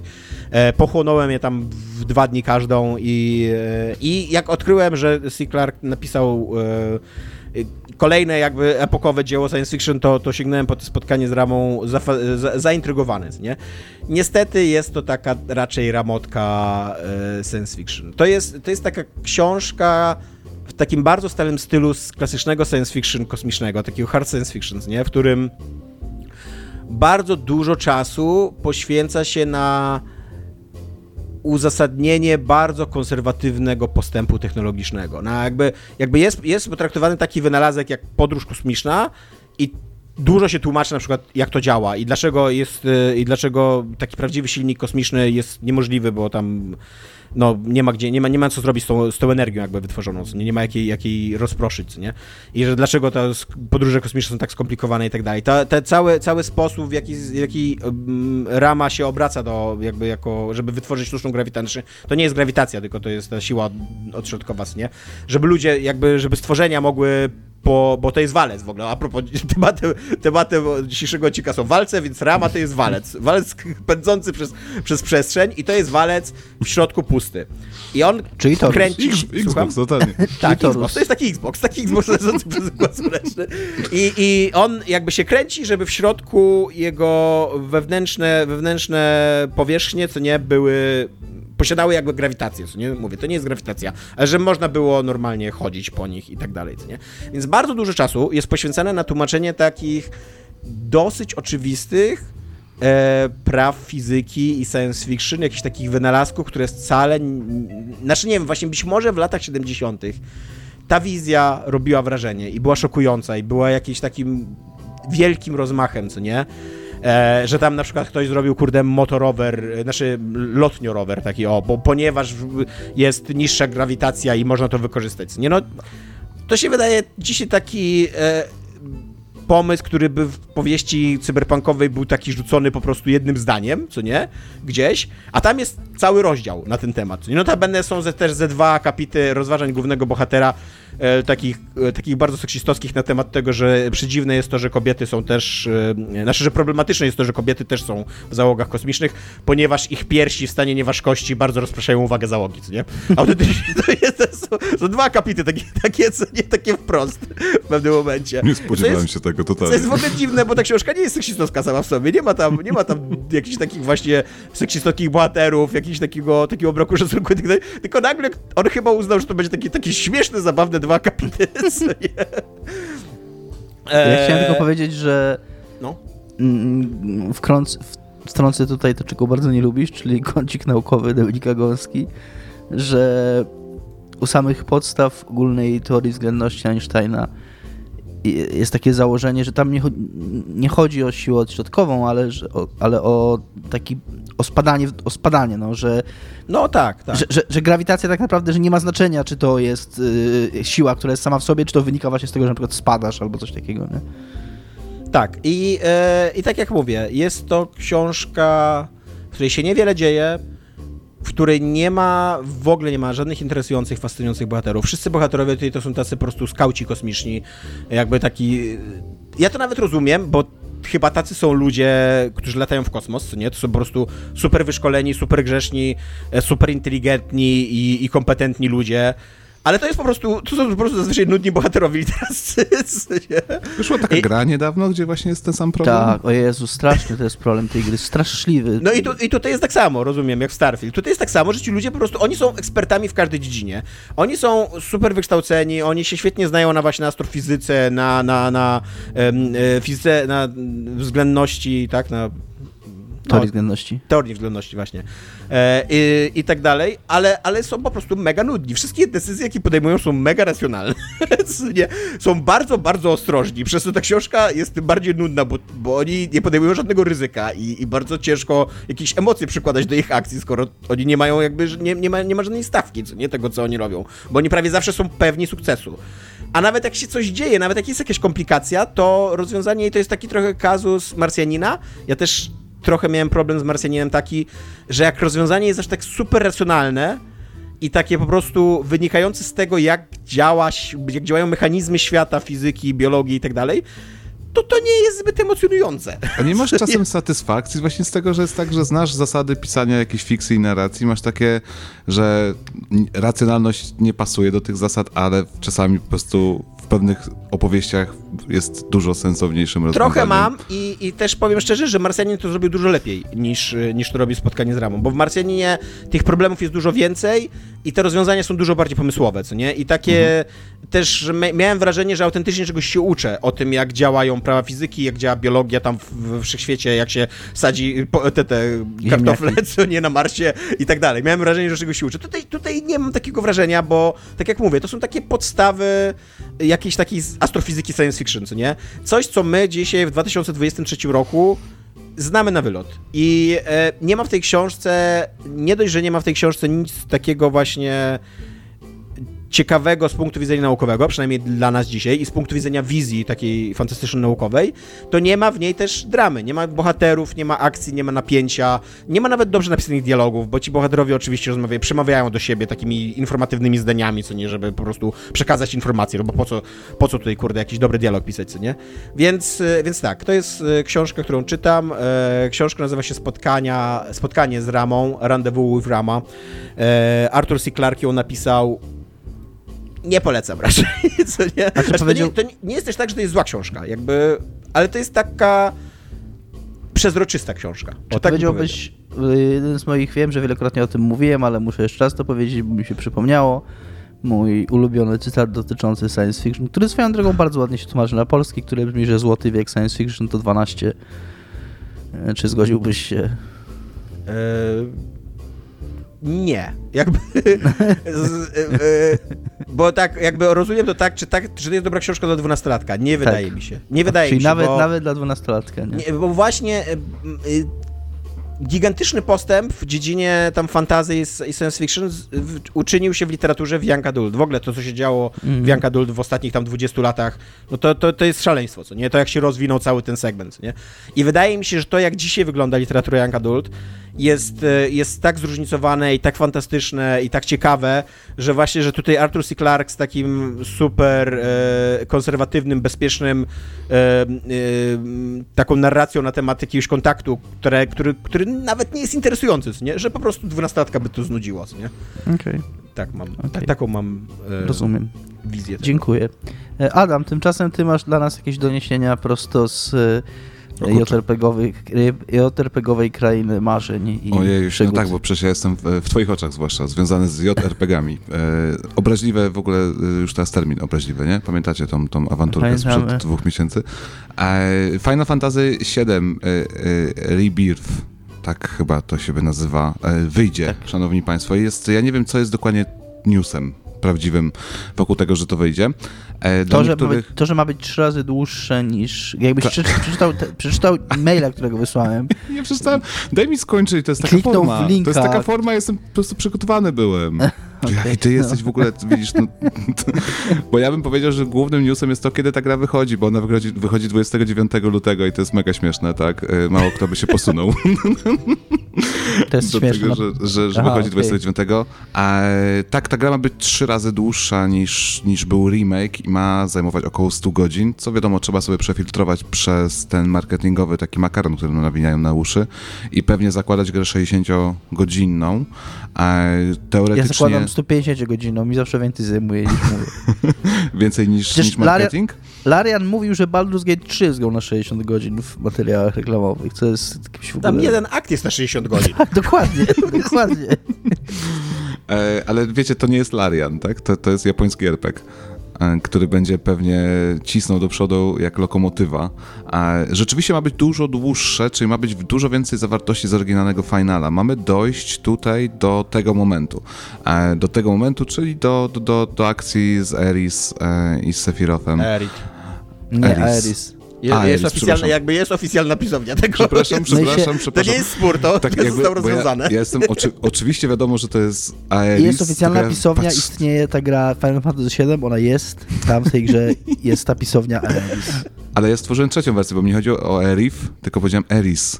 Tak? Tylko wypowiedziałem to AE, wiecie, nie po polsku. Przepraszam, Aeris. Oczywiście, że Aeris. E, że ta gra będzie się kończyła w tym momencie z Aeris. E, to oznacza, że ona musi zmieścić w sobie, nie pamiętam dokładnie wszystkiego, ale wiem, że to będzie Fort Condor, to będzie Junon, czyli będzie ten cały festiwal w Junon, e, czyli musi być farma Chocobo, musi być ten wąż koło farmy Chocobo. Musi być najlepsza minigierka w historii minigierek. czyli Żartuję oczywiście. Fatalna minigierka, chyba najgorsza mówisz minigierka. o strategicznej minigierce? Mówię o strategicznym Tower Defense. Widać, że jesteśmy Fort obaj Condor. po prostu turbo nie, nieogarnięci, bo ona już ponoć była w, w dodatku do, do, do remake'u 7. Tam, gdzie jest Yuffie Okej, bohaterką. a okej, może masz rację, no. Ja też nie grałem w to Integrate, więc, więc, więc nie wiem. Ja bym chciał E, tylko powiedzieć, że to wszystko, co ty opowiadasz, że to ona musi to ogarnąć, to było jakieś 7 godzin, co nie w oryginalnej grze. to nie jest tak, że to jest jakiś gigantyczny fragment kontentu. A śmierć Aeris swoją drogą to jest koniec pierwszej płyty z trzech tej Do śmierci Aeris grało się, jak ja już tak grałem, wiecie, trzeci albo czwarty raz, to mi się wydaje, że to mi zajmowało z 12 godzin, ale też tam niewiele rzeczy było do zrobienia, oprócz biegania i po prostu powtarzania tych samych dialogów, więc no, to, to, nie, to nie Baldur Gate 3, tylko no okej, jeżeli Midgar zajmował, powinien zająć 4 albo 5 godzin, a zajmował w remake'u 30, e, no to tutaj mamy te pozostałe 10 godzin pierwszej płyty i, one muszą zająć też dość dużo. Ale mm, wiemy też, że niektórych miejsc na pewno nie będzie, tak? Że nie będzie Łutaj, e, wizyty w Łutaj w ogóle, ma być dopiero w następnej, następnej części. Będzie tutaj, e, Jezu, przypomnijcie mi nazwę Wesołego Miasteczka, Gold, Gold Saucer. Gold Saucer, Gold no. E, więc musimy tam zmieścić też wszystkie minigierki, które nam pokazano w zwiastunie, czyli większość minigierek rzeczywiście tam będzie. Mam nadzieję, że będzie też rzucanie piłką do kosza, bo jednak to była najlepsza e, z tych minigierek. Kurczę, nie, nie obchodzi mi biatyka, tak? Jak chcę rzucać piłką do kosza, a to było tylko naciskanie odpowiednim, to Tak, trzeba to było trzymać dwie sekundy krzyżyk po prostu Tak, to była spoko minigierka, zgadzam się.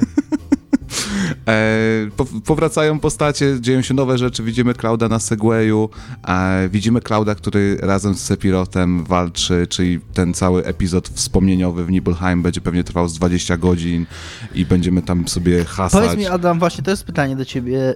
Ile razy jeszcze interaktywna sztuka gier wideo zmusi nas do zagrania w Nibelheim, ten, ten segment Nibelheim? To już było zrobione w... Ja myślę, że nie tylko cię zmusi, że będziesz ten segment wielokrotnie przechodził w tej grze, ponieważ ja przypominam i ja cały czas się będę tego trzymał. Ta gra już dzieje się w multiversum i multiversum zostało otwarte na końcu remake'u. Już chyba możemy o tym mówić, tak? Na końcu remake'u zobaczyliśmy dwa wymiary i będzie dwa, będą dwa równoległe wymiary, więc to Nibelheim będzie dwa, dwukrotnie. Zobaczysz, to się będzie działo. Ojej. Ja mam do ciebie, Adam, pytanie, bo e, Dawaj. e, tydzień temu mówiłem o takiej książce Zajeździmy kobyłę historii. Czy, że oni zajeżdżą kobyłę Final Fantasy VII. Jakby, czy, Zajadą ją. Zajadą, czy, was, czy, czy ciebie jako fana, bo do, z Dominikiem już o tym gadałem, już wiem mniej więcej jaki on ma, ale czy ciebie jako fana nie żenuje to, jak oni żerują na tej grze? Tomasz, ją- Tomaszu, Tomaszu, Tomaszu, jakby w ogóle z tym pytaniem to się spóźniłeś mordeczko tak z 20 lat, bo mnie żenowało, jak oni zrobili tą kompilację. E, a ja byłem wtedy jeszcze dość, dość knykciem w ogóle, nie? Jakby jeszcze grałem na piratach i byłem dzieciaczkiem. Jak tam było Crisis Core, wychodził, wychodził Advent Children, wychodziło ta strzelanka z Vincentem, Age of Cerebrus. A, jakaś tam jeszcze była telefonowa gierka i jeszcze anime. Ja już wtedy miałem, że to jest zajechany koń. Totalnie, ja już to czułem jako dziecko, że ten jest zajechany, on jest zajeżdżany dalej i to zajeżdżany przez mojego najbardziej znienawidzonego w ogóle pracownika Square Enix. I jak, Tetsuya Nomura. jak ja Tak nienawidzę. Pamiętam, że kiedyś Adam powiedział, użył takiego sformułowania numeryzmy i bardzo się no, ono spodobało. nomuryzmy, tak, no jakby No, no, to było musisz tego dużo, nie? naszym, naszym słuchaczom, tak, bo nie znają naszych rozmów prywatnych. Dlaczego Je- nienawidzisz tego człowieka? Jeżeli, jeżeli e, na koniec gry, a tak było na końcu Final Fantasy VII Remake, walczysz z, z personifikacją przeznaczenia i pokonujesz, Tak. zabijasz przeznaczenie, a to przeznaczenie pojawia się przez całą grę i wszyscy mówili o przeznaczeniu i mówili o przeznaczeniu pisanym wielką literą, to masz do czynienia z nomuryzmami, czyli twór, no to jest, jest, Jest to twórca Destiny, tak? Uwaga, specjalistyczny język y, tworzony na potrzeby uniwersum fantazy, y, kojarzony głównie z, serią Kingdom Hearts, której to serią był włodarzem właśnie Tetsuya Nomura. Tam przeznaczenie, przyjaźń, e, dobro pisane wielkimi literami miało oczywiście tam osobne znaczenia Ale- i pod wielkimi symbolami. Totalnie to samo robią Mass Effecty przecież. Kiedy y, ja, y, o, mogę się przyznać publicznie, nigdy nie grałem Mass Effecta. No tam się główna zła rasa nazywa się żniwiarze, czy nie? No tak, ale Ale przynajmniej czy, nie ma ale tam... czy żniwiarze byli naprawdę personifikacją przeznaczenia, którzy pilnowali, czy tak. wszystko Nie, no się dzieje tak samo, jak działo się w 97 roku? Tak, że właśnie w tym Final Fantasy VII to taka metafizyka to jest coś, co jest strasznie, wiem, że o tym mówiłem, ale co tam powiem raz jeszcze, że jednak Final Fantasy VII przy, przy tym, że to była gra fantazji i ma to w nazwie, jakby wierzyło się w ten świat. On, on był jakoś tam umowny, ale wierzyłeś w te postacie, wierzyłeś, że to się to naprawdę jakoś tam jest zdefiniowane i ma, jakąś swoją, ma jakieś swoje ramy, w których się znajduje. A te nomuryzmy, o których Adam mówi, to jest takie właśnie takie ubieranie, takie branie metafor jakichś i robienie z nich fizycznych bytów w świecie gry, tak? Że nagle znaczy, masz przeznaczenie to, i to przeznaczenie jest po prostu bytem w tej grze to fizycznej. Jest, to jest fanfikcja, tak? Jakby Nomura tak. to jest człowiek, który tworzy twórczość na podstawie, fan, na poziomie fanfikcji, takiej dość przeciętnej. Tak, po prostu, o, ja zawsze chciałem zrobić coś Final Fantasy VII i lecimy. Natomiast, e, pomijając jakby całą mm, kiczowatość tych, tych, dialogów i tego, co się często dzieje w jego grach, sam ten koncept remakeowania siódemki mnie akurat e, zaciekawił, to znaczy znaczenie słowa remake, tak, w kontekście tam, tamtej gry, która była kilka lat temu e, i że to nie był tak naprawdę Mm, to nie, była, to nie było opowiedzenie tej samej historii na nowo, tylko to jest de facto kontynuacja Final Fantasy VII, e, te gry i cały czas mnie ten koncept intryguje. Jestem ciekaw jakby co się z tym konceptem stanie dalej i co oznacza Rebirth w, w tytule. Ja ogóle... czy, to, czy to oznacza, że Zack będzie dołączy do, do zespołu w pewnym momencie i ja się w tak ogóle tak super zgadzam z tobą, tak na takim podstawowym poziomie idei, bo to nie jest zrealizowane dobrze, tak? Jakby to nie jest Ta, tak, dokładnie, że... Dokładnie, tak, tak, tak. tak, jak, tak jak właśnie to, to, staram się powiedzieć, że jakby podoba mi się ten koncept, ale uważam, że on jest po prostu źle zrobiony dokładnie, no bo to Tetsuya Nomura się ma. E, oczywiście mamy sentyment, ja mam sentyment do siódemki bardzo duży. To był dla mnie ten pierwszy taki mocny RPG e, w życiu japońskich, którego grywałem na, na konsolach. A nie ufam, nie wierzę, zagram, zobaczę. E, być może się uda, być może nie. Na pewno ta gra będzie ociekała zawartością, bo tam pokazują na tym zwiastunie i też piszą, że rzeczywiście będzie tego mnóstwo w tej grze. Tylko pytanie, czy to będzie mnóstwo, które mnie będzie pociągało, bo w siódemce, w tym remake'u, ta struktura taka, że to było podzielone na rozdziały i do tych rozdziałów trzeba było się wracać i je w całości powtarzać, żeby coś powtórzyć w tym rozdziale, e, to było trudne dla mnie. Nie lubię bardzo takiego zabiegu. Wolę jak jest pseudo-otwarty świat, a specjalnie we wszystkich materiałach marketingowych nie mówią o, nie używają wprost frazy open world, bo to nie będą otwarte światy, tak? To będzie raczej, to będą kolejne rozdziały, które będą dawały nam w miarę rozległe lokacje, Dosyć... z których będziemy uciekać pewnie po bosie i przechodzić dalej. No? Dobre pojęcie tego, jak moim zdaniem, jak będzie wyglądać fajne, nowe Final Fantasy VII daje Final Fantasy XVI. To jest, wydaje mi się, że to będzie dokładnie w ten sam sposób zrobione, czyli masz korytarze, a pomiędzy korytarzami masz takie duże płacie terenu, które trochę udają, że nie są korytarzem, taki, ale tak, ale taki tak naprawdę... Też, taki był też remake, prawda? Te dungeony były super ciasne, a wracałeś potem do miasteczka i miałeś tam niby kilka questów pobocznych i tak dalej. Że, tak, że masz jakieś, taką dużą mapę, która trochę tak udaje, że jest mhm. jakimś tam światem, a tak naprawdę i tak idziesz do przodu przez niego. Co swoją drogą nie jest specjalnie inne od tego, jak to było w Final Fantasy VII. No tam też po tej mapie, nie miałeś do mapy świata, ale tak naprawdę szedłeś do jednego, jedynego miejsca, do którego mogłeś iść akurat w danym momencie po tej mapie świata. No. Mhm. E, szesnastka tutaj jest w ogóle bardzo ciekawym wątkiem, bo przecież ta gra wychodzi pół roku po szesnastce? Nigdy nie byliśmy takiego natężenia jakby tych prawdziwych Final Fantasy, takich dużych. E, powinniśmy teraz przez kilka lat być karmieni odszczepami, małymi spin-offami i tak dalej, a dostajemy prawdopodobnie jeszcze większą grę niż, niż, niż była, większą niż szesnastka. Eee, naprawdę nie mam pojęcia.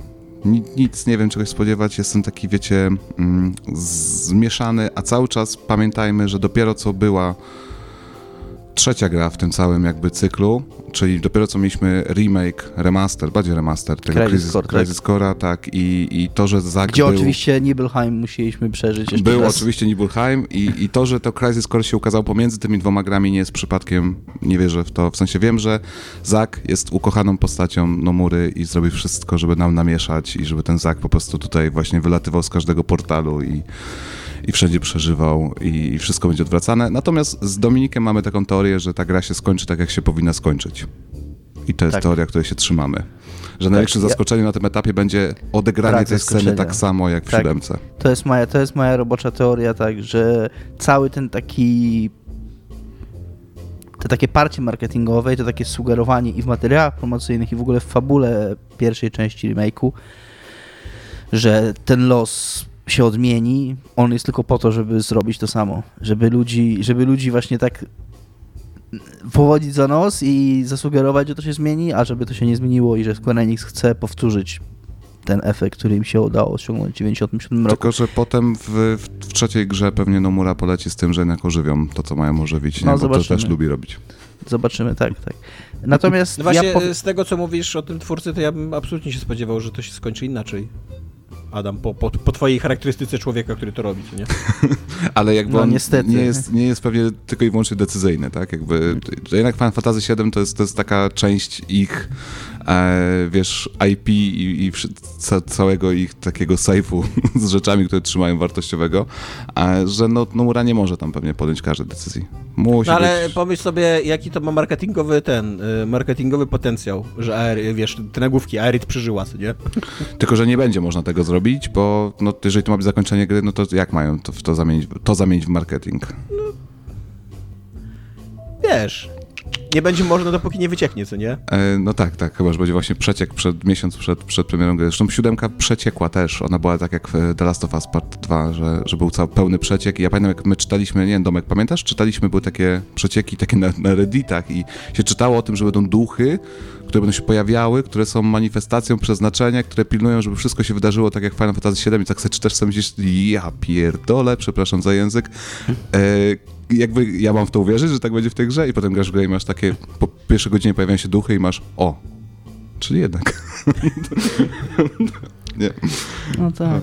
No tak. Fajnie, fajnie było, y, fajnie pewnie też będzie, jakby zobaczymy. Będzie no właśnie, ja niestety, ja niestety muszę powiedzieć tutaj przy wszystkim, przy całym hejcie, że ja lubię remake, poza zakończeniem, które jest fatalne. Y, ja lubię remake, bo mam wielką słabość do tej gry, niestety wciąż i uważam, że jest dużo dobrego, znaczy bardzo mi mile mnie łechce moje zmysły to, że grając w remake Final Fantasy VII ja miałem trochę wrażenie takie, jakby ktoś mi pokazywał w rzeczywistości lokacje, które znam z dzieciństwa jako coś wymyślonego. Mhm. Że jakby zna, znasz pewną umowną wersję tych lokacji, a teraz masz je zrealizowane w takim full HD realistycznie i nagle możesz, faktycznie jestem w miejscu, które pamiętam jako pewną abstrakcję z dzieciństwa. I Tifa wygląda, ja kocham Tifę i Tifa wygląda nieziemsko. Ale wiesz, co jest I'm super... a simple man. wiesz, co jest w tym kontekście super właśnie w tym Rebirth, że zawsze dostawaliśmy realizację Midgaru. Jak był, nie wiem, film Advent Children, to już widzieliśmy ten Midgar w HD, no nie? Tak, tak, tak, widzieliśmy tak, te postaci w HD i to znowu dostaliśmy, a teraz dostajemy tą całą część gry, która nigdy nie była tak. przerzucana, wiesz, w tą prawdziwą Dokładnie. oprawę. Że teraz Dokładnie. zobaczymy, jak sobie wyobrażam tą farmę Chocobo i jakby tych tych bossów i, tak, i tą sekwencję tak. na statku, gdzie Red będzie musiał przebierać się za marynarza. I tak chodzić śmiesznie. I Hojo będzie leżał na plaży. To już będzie ta część, kiedy ta zatopiona łódź podwodna będzie? Jeszcze nie. To dopiero w, w to trzeciej była, to części. Była super lokacja. Zatopiona łódź podwodna to był opcjonalny no, tak, dungeon. Tak, tak. Naj, najlepszy dungeon. Najlepszy dungeon do wbicia y, tych najwyższych poziomów tam materii i żeby się przygotować do walki z weaponami. Tak, tak. Mhm. Dominiku, a co jest grane u ciebie? E, Tomku, obejrzałem film mm, na serwisie Disney+. Plus. Tak obejrzałem zupełnie bez... E, nie wiedząc nic o nim, po prostu chciałem coś obejrzeć głównie dlatego, żeby mieć coś do gadania w odcinku, bo gram w Cyberpunka w tej chwili, bo dostałem... No mogę o tym powiedzieć, to nie jest tajemnica, CD Projekt pozwala o tym mówić. Poza tym dzisiaj ten patch, czy znaczy dzisiaj, jak to nagrywamy... Już, już na pewno możesz mówić, bo, bo, już wszyscy mówią jakby wszystko o tym patchu. Już recenzja jest, tak, już nawet recenzja dodatku jest, są recenzje dodatku, więc gram w Cyberpunka 2.0 i y, kieruję się do dodatku, ale dopóki tego dodatku nie przejdę, to nie za bardzo mam o czym mówić. Więc włączyłem film na Disney Plus pod tytułem Ostatni Pojedynek. Jest to film Ridleya Scotta. Nie wiedziałem o tym filmie kompletnie nic. Nie słyszałem o nim wcześniej nic zobaczyłem po prostu, że to jest jakiś film toczący się w średniowieczu, zrobiony przez Ridleya Scotta, więc mniej więcej byłem sobie w stanie wyobrazić, co to jest za film. Stwierdziłem, dobra, 2,5 godziny wprawdzie trwa, ale tam włączę sobie i, i, i obejrzę i będę miał o czym gadać. I teraz tak, ja się bardzo... i Ja wiem, że my nie jesteśmy zbyt spoilerofobiczni w tym programie i, i, raczej mamy takie podejście, że gadamy otwarcie o dziełach kultury i ja też nie uważam, żeby ten film można było szczególnie zaspoilować. Tam się nic takiego nie dzieje. Natomiast uważam również, i to muszę przyznać mocno, że to, że ja kompletnie nie wiedziałem, o czym ten film tak naprawdę jest, bo nie spodziewałem się, o czym on tak naprawdę jest, to mnie kompletnie zaskoczyło i to mi dużo dało.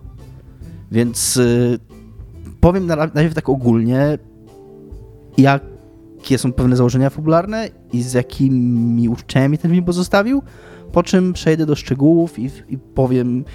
Tak, tak, naprawdę to będzie koniec odcinka już, więc jeżeli nie chcecie wiedzieć nic o treści tego filmu, to ja powiem, w którym momencie zacznę mówić o jego treści i możecie włączyć odcinek.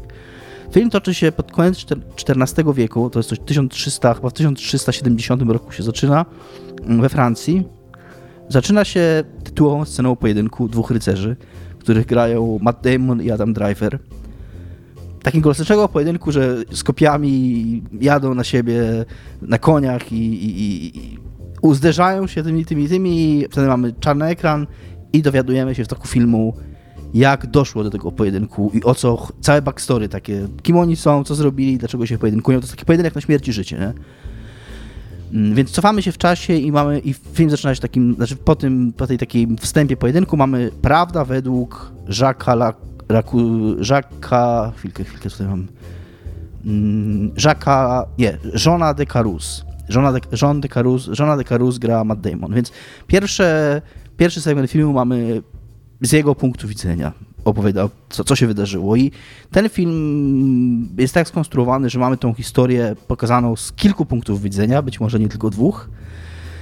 I mamy, jak się nie trudno domyślić, w takiej konstrukcji mamy tu do czynienia z niewiarygodnymi narratorami. Czyli ta historia, ona jest y, w każdej jej wersji pewne szczegóły się różnią. To jest bardzo fajnie zrealizowane, bo duża część tego, czym się one różnią od siebie, nie wynika z samej treści, to że to są te same sceny, ale na przykład postacie mają trochę inną mimikę, trochę inny wyraz twarzy i widzisz, że jakby są zrekontekstualizowane te sceny, że samo zachowanie bohaterów, że nagle widzisz, że coś, co w pierwszej wersji mieliśmy jakąś scenę i odbieraliśmy w jakiś sposób, a w, a w drugiej wersji ta scena widzisz, że tak naprawdę o coś innego w niej chodziło, mimo tego, że treść tej sceny pozostaje taka sama, albo w dużej mierze taka sama.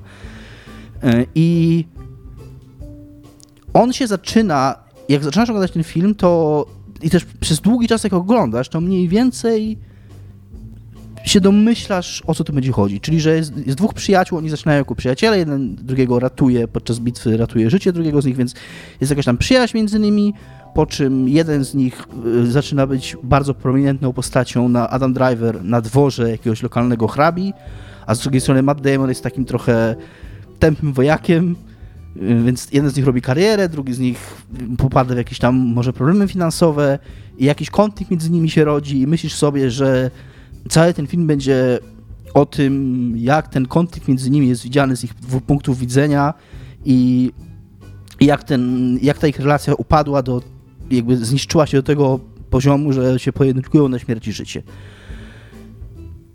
To tak się wydaje przez godzinę, to jest film, który trwa 2,5 godziny i przez jego pierwszą godzinę się wydaje, że on o tym jest. Po czym I teraz, on się tak, teraz ludzie powinni przestać słuchać, jeżeli po czy, I tak, więc po czym on się okazuje zupełnie nie o tym. I, jeżeli to, co powiedziałem, was zachęciło, ja powiem, że mi się podobał, nie bez pewnych zastrzeżeń drobnych, o których powiem, ale on mi się bardzo podobał. Jeżeli po tym wstępie poczujecie się, poczuliście się zachęceni, to możecie włączyć teraz odcinek i obejrzyjcie ten film. To jest spoko film. Ma 85% na Rotten Tomatoes. Ja bym mu dał jakieś 8 na 10. Nie powiem, że dobrze bawiłem jeszcze to, to, jeszcze mogę powiedzieć, to nie jest lekki film, ale bardzo go polecam. A teraz o czym on tak naprawdę jest? Mm, centralnym punktem tego konfliktu okazuje się kobieta, jak to często w życiu bywa, którą to Matt Damon, z którą to Matt Damon żeni się po jednej ze swoich wypraw wojennych. I ten konflikt między tymi bohaterami okazuje się, że on jest na gruncie pewnego zajścia, bo Medej się żeni z tą kobietą, po czym dochodzi do, nie będę aż tak spoilował, bo też ja opowiem o treści, ale nie będę spoilował absolutnie szczegółów, ale dochodzi do pewnego zajścia pomiędzy żoną Mata Damona, a tym przyjacielem Mata Damona i na jakby to zajście jest ostatecznie przyczyną pojedynku między nimi. Natomiast y, jak mówiłem, z kilku punktów widzenia, on jest z trzech punktów widzenia. On jest z punktu widzenia Mata Damona, z punktu widzenia Adama Drivera, a trzecia część, najdłuższa, jest z punktu widzenia jego żony. I to jest film tak naprawdę o systemowej mizoginii w średniowieczu. On, on się wydaje na początku takim filmem o właśnie o rycerzach, o jakimś tam konflikcie, o zdradzie i tak dalej. On w ogóle o tym nie jest. On w momencie, jak, jak poznajemy, jak ta historia ona jest taka bardzo stereotypowa, kiedy poznajemy ją z punktu widzenia tych dwóch bohaterów. Po czym, kiedy poznajemy ją z punktu widzenia tej żony Matta Damona, to jakby wszystkie, cała taka kurtyna yy, spada. Jakby ca, cała taka, takie, takie, prete, takie, nie wiem, takie właśnie średniowieczne, yy, taka romantyczna wizja właśnie rycerzy pojedynkujących się o cnotę kobiety okazuje się kompletną fikcją i, i pokaz, jakby to jest taki film, który się bardzo rozlicza z taką właśnie romantyczną wizją dzielnych rycerzy i takiego e, takiego właśnie, wiecie, że, że tutaj będę walczył o, o cześć swojej, swojej damy, czy coś takiego, nie? On pokazuje, jak przedmiotowo były traktowane kobiety w średniowieczu, jak bardzo niewiele znaczyły, jak y, często były pretekstem, takim praktycznie przedmiotowo traktowane y, i jest to aż przygnębiający. Ten film nie, to jest przygnębiający film. Ja byłem autentycznie też przez to właśnie, jak on jest skonstruowany, że te pierwsze jego dwie części są z punktu widzenia tych męskich postaci. Ja się nawet w pewnym momencie przywiązałem do tych bohaterów, jakby rozumiałem ich rację, po czym jak masz tą trzecią część, kiedy tak naprawdę widzisz, kim oni są nie w ich, bo te dwie pierwsze części masz jakby kim oni są w swojej głowie tak naprawdę i jak, wiesz, jak ci się, jak oni chciał, chcieliby, żeby byli odbierani, po czym masz z tego punktu widzenia on, tej kobiety, co tak naprawdę tam się dzieje, to jest takie, wręcz ja się poczułem źle ze sobą, że ich lubiłem na początku i że, że jakoś tam im kibicowałem. Yy, powiem teraz, to mnie też prowadzi do pewnego zarzutu drobnego, który mam ten film. Ten film ma serce we właściwym miejscu, on się stara powiedzieć ważne i takie no, oczywiście ma to, to, co się w nim dzieje, ma przełożenie na dzisiejszą sytuację, dzisiejszą sytuację kobiet. Ten film nie istnieje w próżni, on się stara coś powiedzieć o przez sztukę i przez pokazanie historii, stara się coś powiedzieć o współczesnym świecie. On potrafi być troszkę zbyt patologiczny. Znaczy on bardzo chce, żeby ta jego, żeby ta jego... Ta nauka jego, wybrzmiała. Tak, żeby ta jego nauka wybrzmiała i potrafi być trochę toporny w tym. E, taki pierwszy przykład, jaki mi przychodzi do głowy, myślę, że dobrze to ilustruje, jak masz to mm, ten początek, prawda według Jeana Le później masz prawda według Jacques Allegri, a później masz prawdę według tą Madeleine kogoś tam i po czym na tym ostatnim napisie znika to wszystko i zostaje tylko prawda, nie? żebyś zrozumiał, że teraz będzie to prawdzie. Jakby ja bym się domyślił tego Ridleyu Scottie, nie? Jest kilka takich momentów właśnie, że masz taką bardzo mocno wtłoczoną ci jeszcze jakąś metaforę no, jeszcze jedną powiem scenę, to nie będzie spoiler. Jest taka scena, w której mm, Matt Damon yy, tam mówi o klaczy jakiejś, bo ma konie jakieś w tej swojej posiadłości i, i nagle, że to jakaś tam klacz rozpłodowa, bardzo cenna, jakieś tam marodzić, jakieś tam wybitne konie i nagle na tą klacz się rzuca jakiś tam ogier, mm, taki, który, który został nieupilnowany. Nie, Jest taka bardzo intensywna scena, w której widać jak Matt Damon traktuje tego konia i mówi, że nie, tam, on, no jakby, że widać, że on traktuje tego konia jako swoją własność, nie? I że on tutaj będzie rządził nim, po czym ta jego żona jest pokazana z boku i tak jest bardzo czytelna metafora, że on tego, tą żonę swoją traktuje tak samo jak tą klacz, nie? Że jakby, no jest kilka takich momentów właśnie, że masz bardzo tak mocno wtłoczone, wtłoczone, wtłoczone w głowę to, to ten film stara się powiedzieć. No, wydaje mi się, że on mógłby być subtelniejszy jeżeli, jeżeli coś ten, jeżeli mógłbym mu coś zarzucić. Natomiast, żeby jeszcze skończyć na takiej pozytywnej nucie, tak jak powiedziałem, ten film się zaczyna tą sceną pojedynku, po czym mamy całe backstory, po czym on się kończy tym pojedynkiem, nie? Nie pamiętam, kiedy ostatnio byłem autentycznie tak zainwestowany i tak się emocjonowałem fikcyjnym pojedynkiem dwójki ludzi, a jednocześnie byłem tak skonfliktowany, bo tak naprawdę nie chcę powiedzieć, że kibicowałem komuś tam, ale pewne rzeczy się dzieją w tej historii, takie, które sprawiają, że jest, że zależy ci na pewnym e, e, na pewnym rezultacie tego pojedynku, nawet jeżeli nie kibicujesz tak naprawdę żadnemu z nich. Ja autentycznie byłem strasznie dezemocjonowany, tak na maksa, aż na takim, wiecie, się przychyliłem w stronę ekranu i tak naprawdę bardzo, bardzo śledziłem e, ten pojedynek i, i co się w nim dzieje. I, więc, e, no mówię, nie jest to film doskonały, ale ma serce właściwym miejscu, stara się coś ważnego powiedzieć yy, i polecam ogólnie, no. Fajna ci się taka analogia zrobiła z początkiem odcinka i z chłopami. Wydaje mi się, że e, mamy tutaj taki nawias w tym wszystkim. Jakby, Okej. jak mówisz o tym filmie i mówisz o czym on jest naprawdę, to, to, tak, to tak, dużo dokład- właśnie dokładnie, odniesień do chłopów. Dokładnie to samo chciałem powiedzieć, że właśnie to, co ty mówiłeś o chłopach i, i, i- i o, że mi się od razu właśnie przypomniało, że tak, że jest to w pewnym sensie podobne. Dobrze, mm, to wszystko w tym odcinku programu Niezatapianie 299. Dziękujemy wam za spędzenie z nami tych, nie wiem, półtorej godziny pewnie, jakoś tak jak zwykle. Pamiętajcie, że mamy Patronite'a jeszcze. Pieniądz, tak, tak. pieniądz. Tomek, powiedz tam, Pieniądz. komu dziękujecie. Tak, komu dziękujemy Mafinkowi, Jarosławowi, Bartkowi i Tomaszowi za to, że nas wspierają na najwyższym poziomie. Jeżeli chcecie nas też wesprzeć, może niekoniecznie na najwyższym poziomie, to zapraszamy na patronite.pl ma na niezatapialni. Adam, powiedz pieniądz. Pieniądz. Widzicie, nawet Patryk mówi. Tak, i dzięki bardzo i cześć.